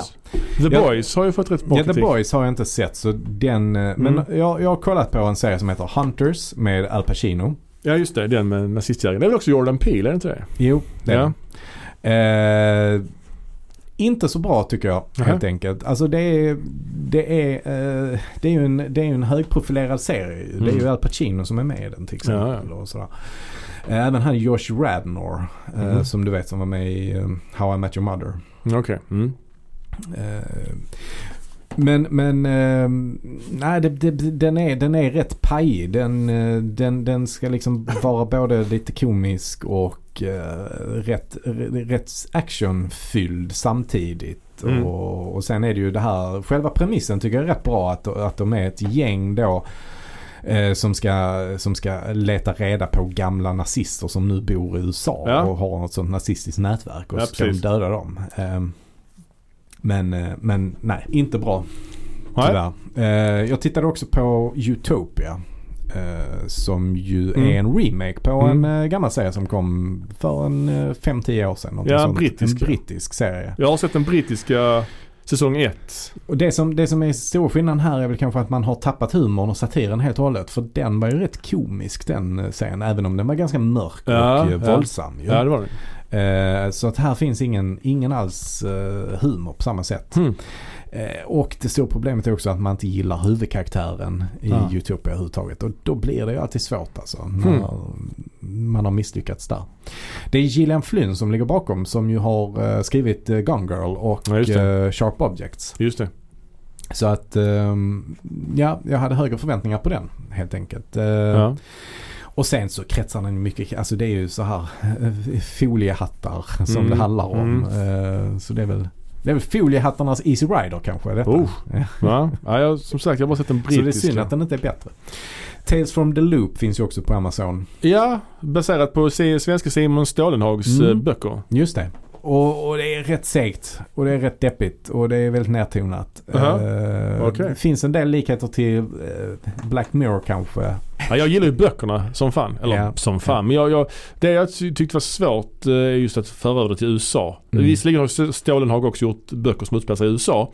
Men det är just det här svenska, Lovikka-vantar och eh, robotar. Ja. Det, det är gött liksom. Jag har fortfarande inte sett något som jag tycker är riktigt bra på, eh, på Amazon faktiskt. Jag kommer under året antagligen ta mig an det. Det är ju Mm. det liksom att de här olika streamingtjänsterna, de, de, de Mm. tävlar ju verkligen om vår tid. Det snackar de ju om i den här dokumentären. Social Dilemma ja. Ja, exakt. Mm. Och vi har ju vi har ju för lite tid för det. Det är så Mm. många serier man ska hinna ta sig igenom. Jag känner att jag har inte tid. Mm.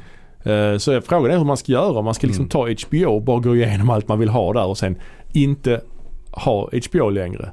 Och sen Problemet ta... är väl att det hela tiden kommer nytt så Ja, man hinner ja. ju aldrig bli färdig med Nej, så är det väl. Så är det väl. Så är det väl. Eh, på HBO för övrigt så kommer ju The Outsider med Ben Mendelsohn baserat på Stephen King-romanen. Mm. En thriller, en mordhistoria. Som ändå har vissa övernaturliga inslag. Mm. Som, som var väldigt bra faktiskt. Snygg och eh, nedtonad. Som kanske flippar ut lite i, mot slutet. Alla Stephen King Mm. så att säga. Men eh, ändå helt värd att se. Det är också någonting med det att när det är miniserier. När det, man vet att det inte blir en säsong två. Mm. Känns lite lättare att ta sig an. det. Verkligen. Det verkligen. finns ju många serier Mm. som jag Men HBO är ju bra på miniserier. Ja det är de. Det Det är de. Absolut. Eh, Netflix kan också vara bra på Mm. det. eh, Men just det där att man ska börja se en serie och man vet att det är fem säsonger. Mm. Det är lite Mount Everest över det liksom. Ja det är det. Att Det är det. orka. det är det verkligen. Men en miniserie på Netflix som har blivit en snackis Ja. är ju The Queen's Gambit. Ja. Schackspelarnas Easy Rider. Med Anja Taylor-Joy.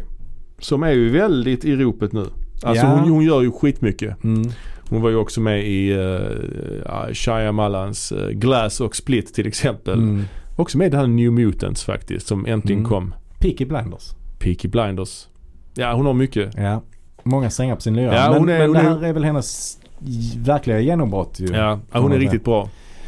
Mm. Handlar ju om en eh, schackspelare kan vi, och kortfattat om en schack, kvinnlig schackspelare Ja, med eh, missbruksproblematik. Ja. Och efter första avsnittet var jag hookad Mm. som fan.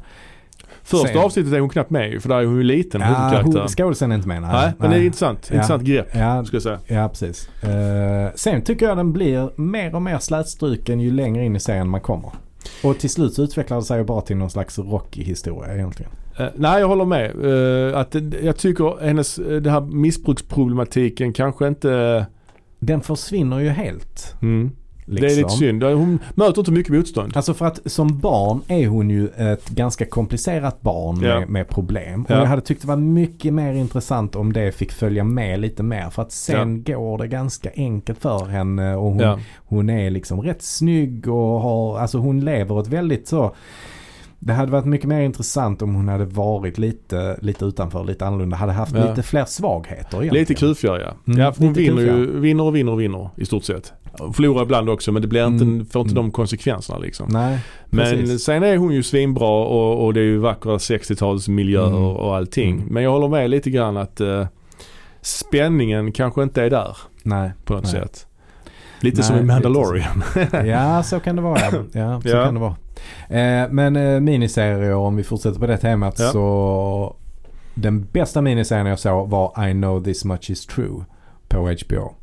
Okej. Eh, med eh, Ruffalo. Ja, ja, ja. Mm. I know this much is true handlar ju om eh, två tvillingbröder. Okej. Där den ene är, ehm, har, har, går in i någon får någon slags eh, psykisk störning eller så. Mm. Eh, och hamnar, blir, blir beroende av eh, vården eh, och så. Och åker in och ut från olika eh, Mm. vårdhem. Så. Mm. och eh, så handlar det då om den andra broderns kamp mot den här byråkratin för att få det att fungera. För att, Mm. för att det som händer tidigt är att han, han, han, han är väldigt så krigsmotståndare, eh, Mm. den, den ena brodern. Så han går in på ett bibliotek och så gör han av sig eh, sin egen hand där Oj. inne som någon slags eh, demonstration mot att man ska sluta kriga. Mm. Eh, och, och man ska tillägga också att båda rollerna spelas ju av Ruffalo. Ja, det är ju Och- alltid och, intressant. Ja, precis. Och eh, det, det, han, han gör ju en jättebra prestation, Mm. verkligen. Och eh, ja, den, är, den är superbra och gripande. Och den här hjälplösheten som, som han känner inför eh, de byråkratiska krafterna som styr över Mm. vad som ska hända med hans bror. Alltså hur, hur hopplöst det är att fightas mot det. Men han slutar ändå aldrig och kämpar på. Mm. Ehm, så jättebra. Ja, och sen har vi ju ett par serier som vi har fått reda på lagts ner. Mm. Utan att eh, det var meningen att de skulle läggas ner från början så att säga. Eh, eller det vill säga att de skulle fortsatt. Och då tänker jag på Glow. eh, Ja. På Netflix som skulle blivit en fjärde säsong men den har de slutat med. Mm. De la ner den, spelade aldrig in den. Och eh, framförallt tänker jag på Mindhunter, David Finchers Mm, FBI-serie som jag verkligen gillade. Som heller inte kommer att fortsätta. Det är Mm. tråkigt. Mm. En serie som fortsatte under året var ju Netflix eh, Haunting-serie. Mm, den är Haunting of Hill House eh, kom ju för något år sedan och nu kom då Haunting of Bly Manor mm. som utspelar sig i England istället. Ett nytt spökhus fast i England på 80-talet. Ehm, inte riktigt lika stark som första säsongen men ändå eh, intressant. Utspelar sig på många olika tidsplan. Den här är kanske lite mer mysig än den Mm. förra. Den förra tyckte jag var fantastisk. Men den här har också, eh, har också något så att säga. Mm. Den är också bra. Sevärd, helt klart. Ska vi fokusera lite på det svenska som kom? Ja, kan vi göra. Vi fick ju en serie som hette Partisan till exempel. Just det. Som var rätt, uh, rätt skojig. Den har du väl nämnt? Det är väl den med Ja, Johan Rheborg och... Precis, Ja. den, den har jag nämnt. Den, Ja. den kom ju också jag det var ju Ja. Linus Wahlgren i den också. Jaha, ja. Eh, den hade sina för och nackdelar kan man väl säga. Sen Mm. kom det ju också en serie som heter Kalifat. Just det. Eh, Som gick på SVT. Eh, regisserat av Goran Kaptanovic och Mm. eh, som ju då handlar lite grann om så, jihad, svenska jihadkrigare. Som, som Ja. hur de blir rekryterade och hur de har det där. Var den bra eller? Ja, jag tyckte den var bra Mm. ändå. Den hade, Mm. den hade vissa saker som var bra och vissa saker som var mindre bra. Alltså man kan säga att den fokuserar på tre olika saker. Det handlar om eh, svenska ungdomar som blir rekryterade i Sverige Mm. till alltså IS då. Mm. Sen handlar det om ett IS, alltså par som bor i, eh, i- Raqqa i Syrien då. Mhm. Som redan eh, liksom har åkt dit och är en del av IS då. Mm. Och sen handlar det då om eh, några poliser som försöker eh, förhindra då det här. Mm. Säpo.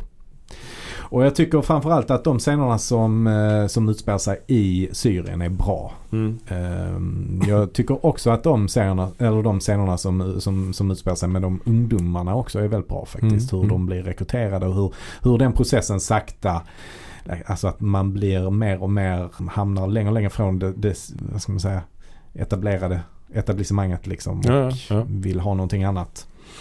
Mm.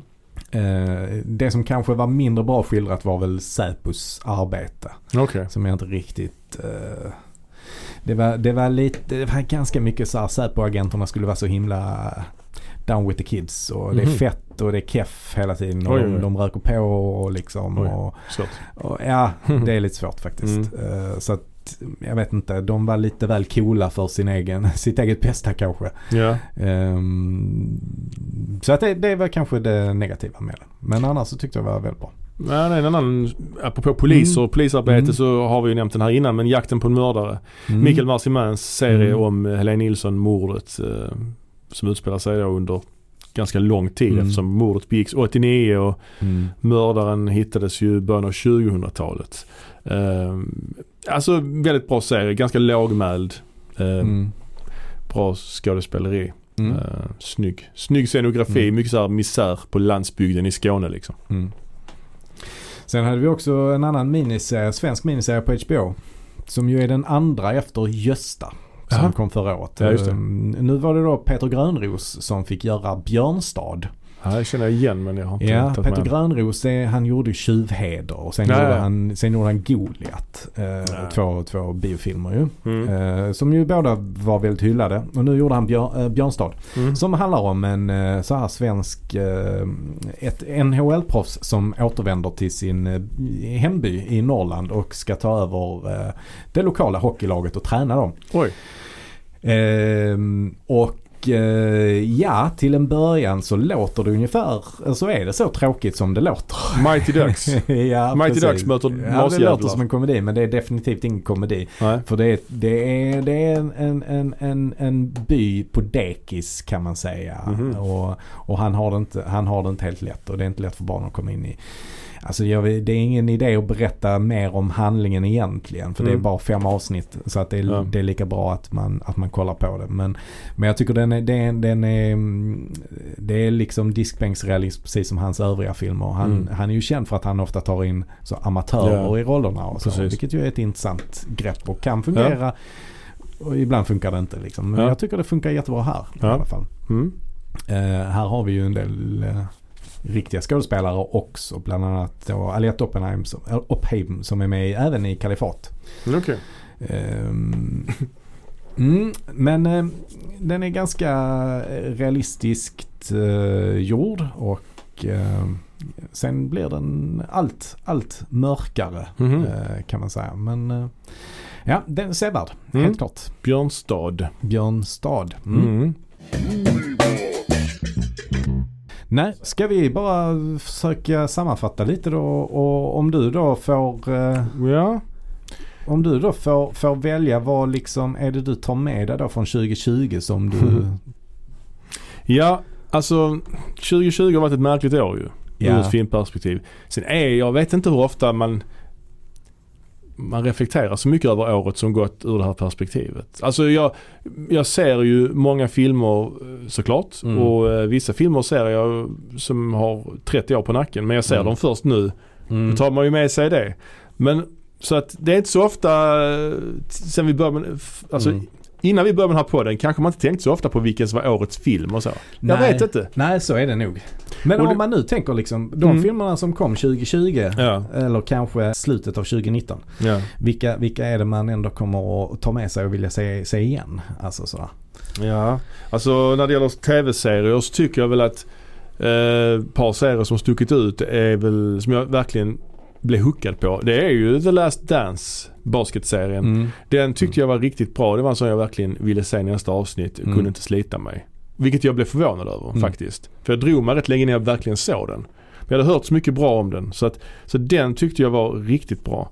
Jag blev också väldigt eh, gripen av den här eh, bläckfisk, eh, vad heter den? Mm. Octopus Teacher. Ma- Octopus Teacher. Den tyckte jag var väl, en väldigt bra film. Ja.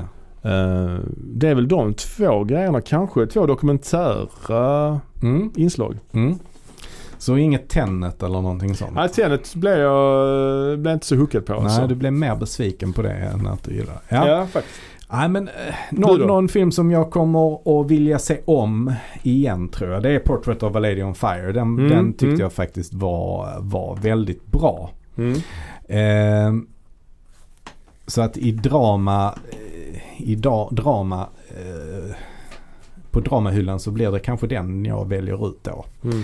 Ehm, skräck, kom det faktiskt en hel del bra saker. Eh, som jag sa tidigare där så, an, eller eh, Saint Maud och Possessor är väl de som jag, Ja. som jag eh, kommer vilja se igen. ja, jag ska se dem. Jag har inte sett någon av dem. Så jag kommer kolla dem, absolut. Ja, och i komedifacket så vill jag också lyfta upp Palm Springs faktiskt. Mm. Eh, tyckte jag den var bra. Eh, ja, och när det kommer till serier så, så en som jag vill eh, lyfta fram ändå det, var, det är ju falsk, falsk identitet. Eller The Bureau som den eh, engelska titeln är. Men det är en fransk serie. Mm. Le Bureau. Le Bureau. Ja. Eh, den fick ju sin sista säsong nu 2020. Ja. Eh, jag såg alla säsongerna i ett svep kan man säga. Ja. Eh, den är en riktig nagelbitare alltså. Ja, okej. Kommer man, den är dock väldigt seg. Men på ett bra sätt. Okej. Alltså i starten. Ja. Så att du behöver nog ändå se en, åtminstone 5-6 avsnitt innan, innan du är hookad. Men sen ser du alla, alla säsongerna på, i ett svep. Eh, Det är verkligen en sån man inte kan sluta kolla på. ja. Var finns den sa du? Eh, Den fanns tidigare på SVT Play Ja, i alla fall. Mm, ja, Eh, Jag vet inte hur länge den är kvar där. Eller om Nej. den är kvar där nu, det vet jag inte. Men, men det är där den har gått i alla fall. Och eh, Fan vilken, vilken bra och välspelad serie är. Den har vi ju pratat om tidigare. Mm, och annars då bland, bland miniserierna så, så är det ju då I know this much is true som, som jag tycker sticker ut Mm. också. Ja. Så det var mina favoriter. Ja. Ja men som sagt detta har varit ett konstigt år. Vi hoppas ju att 2021 blir mer normalt vad det lider med vaccin och så. Man vet ju aldrig. Mm. Och att de här filmerna som skulle kommit kommer någon gång. Och att det kommer mer, att det görs mer. För medan den här Mm. pandemin har också gjort att många inspelningar har fått eh, läggas på is eftersom det inte går att göra nytt. Mm. Så Mm. det är ju också en problematik som vi kanske kan få Mm. effekt av, se effekterna av snart. Men vi hoppas att allting blir bra så att vi kan Mm. eh, återgå till det normala. Mm. Och på att återgå till det normala nästa avsnitt så kommer det vara, vara mer ett normalt Moviebox Mm. Lite mer fördjupande kan man Just säga i något spännande ämne. Precis. Eh, vi har också, det har också varit så att faktiskt en lyssnare har hört av sig. Just det. Och ni som fortfarande lyssnar så här långt in i avsnittet, Ja. ni, ni får då höra det. Men förra gången i alla fall så pratade vi ju då om eh, End of Days och då nämnde vi även filmen Stigmata. Just det. Och då nämnde jag att jag blandar lätt ihop dem. Och då missade vi ju säga att det kanske är på grund av att Gabriel Byrne är med i båda två. Mm. Mm. För då är det ju ännu lättare att blanda ihop dem. Ja så är det ju. Så är det. Eh, och det var då en snäll lyssnare som påpekade detta. Att Ja. det, det, det missade vi ju säga. Men Ja. så är det naturligtvis. Ja. ja men eh, ska vi säga så? Ja, Eh, följ oss på Instagram och Facebook. Och man kan också mejla till oss. Ja just det. Gör det. Gör det. Ja. ha det bra så länge Hej, så ses hej. vi. Hej!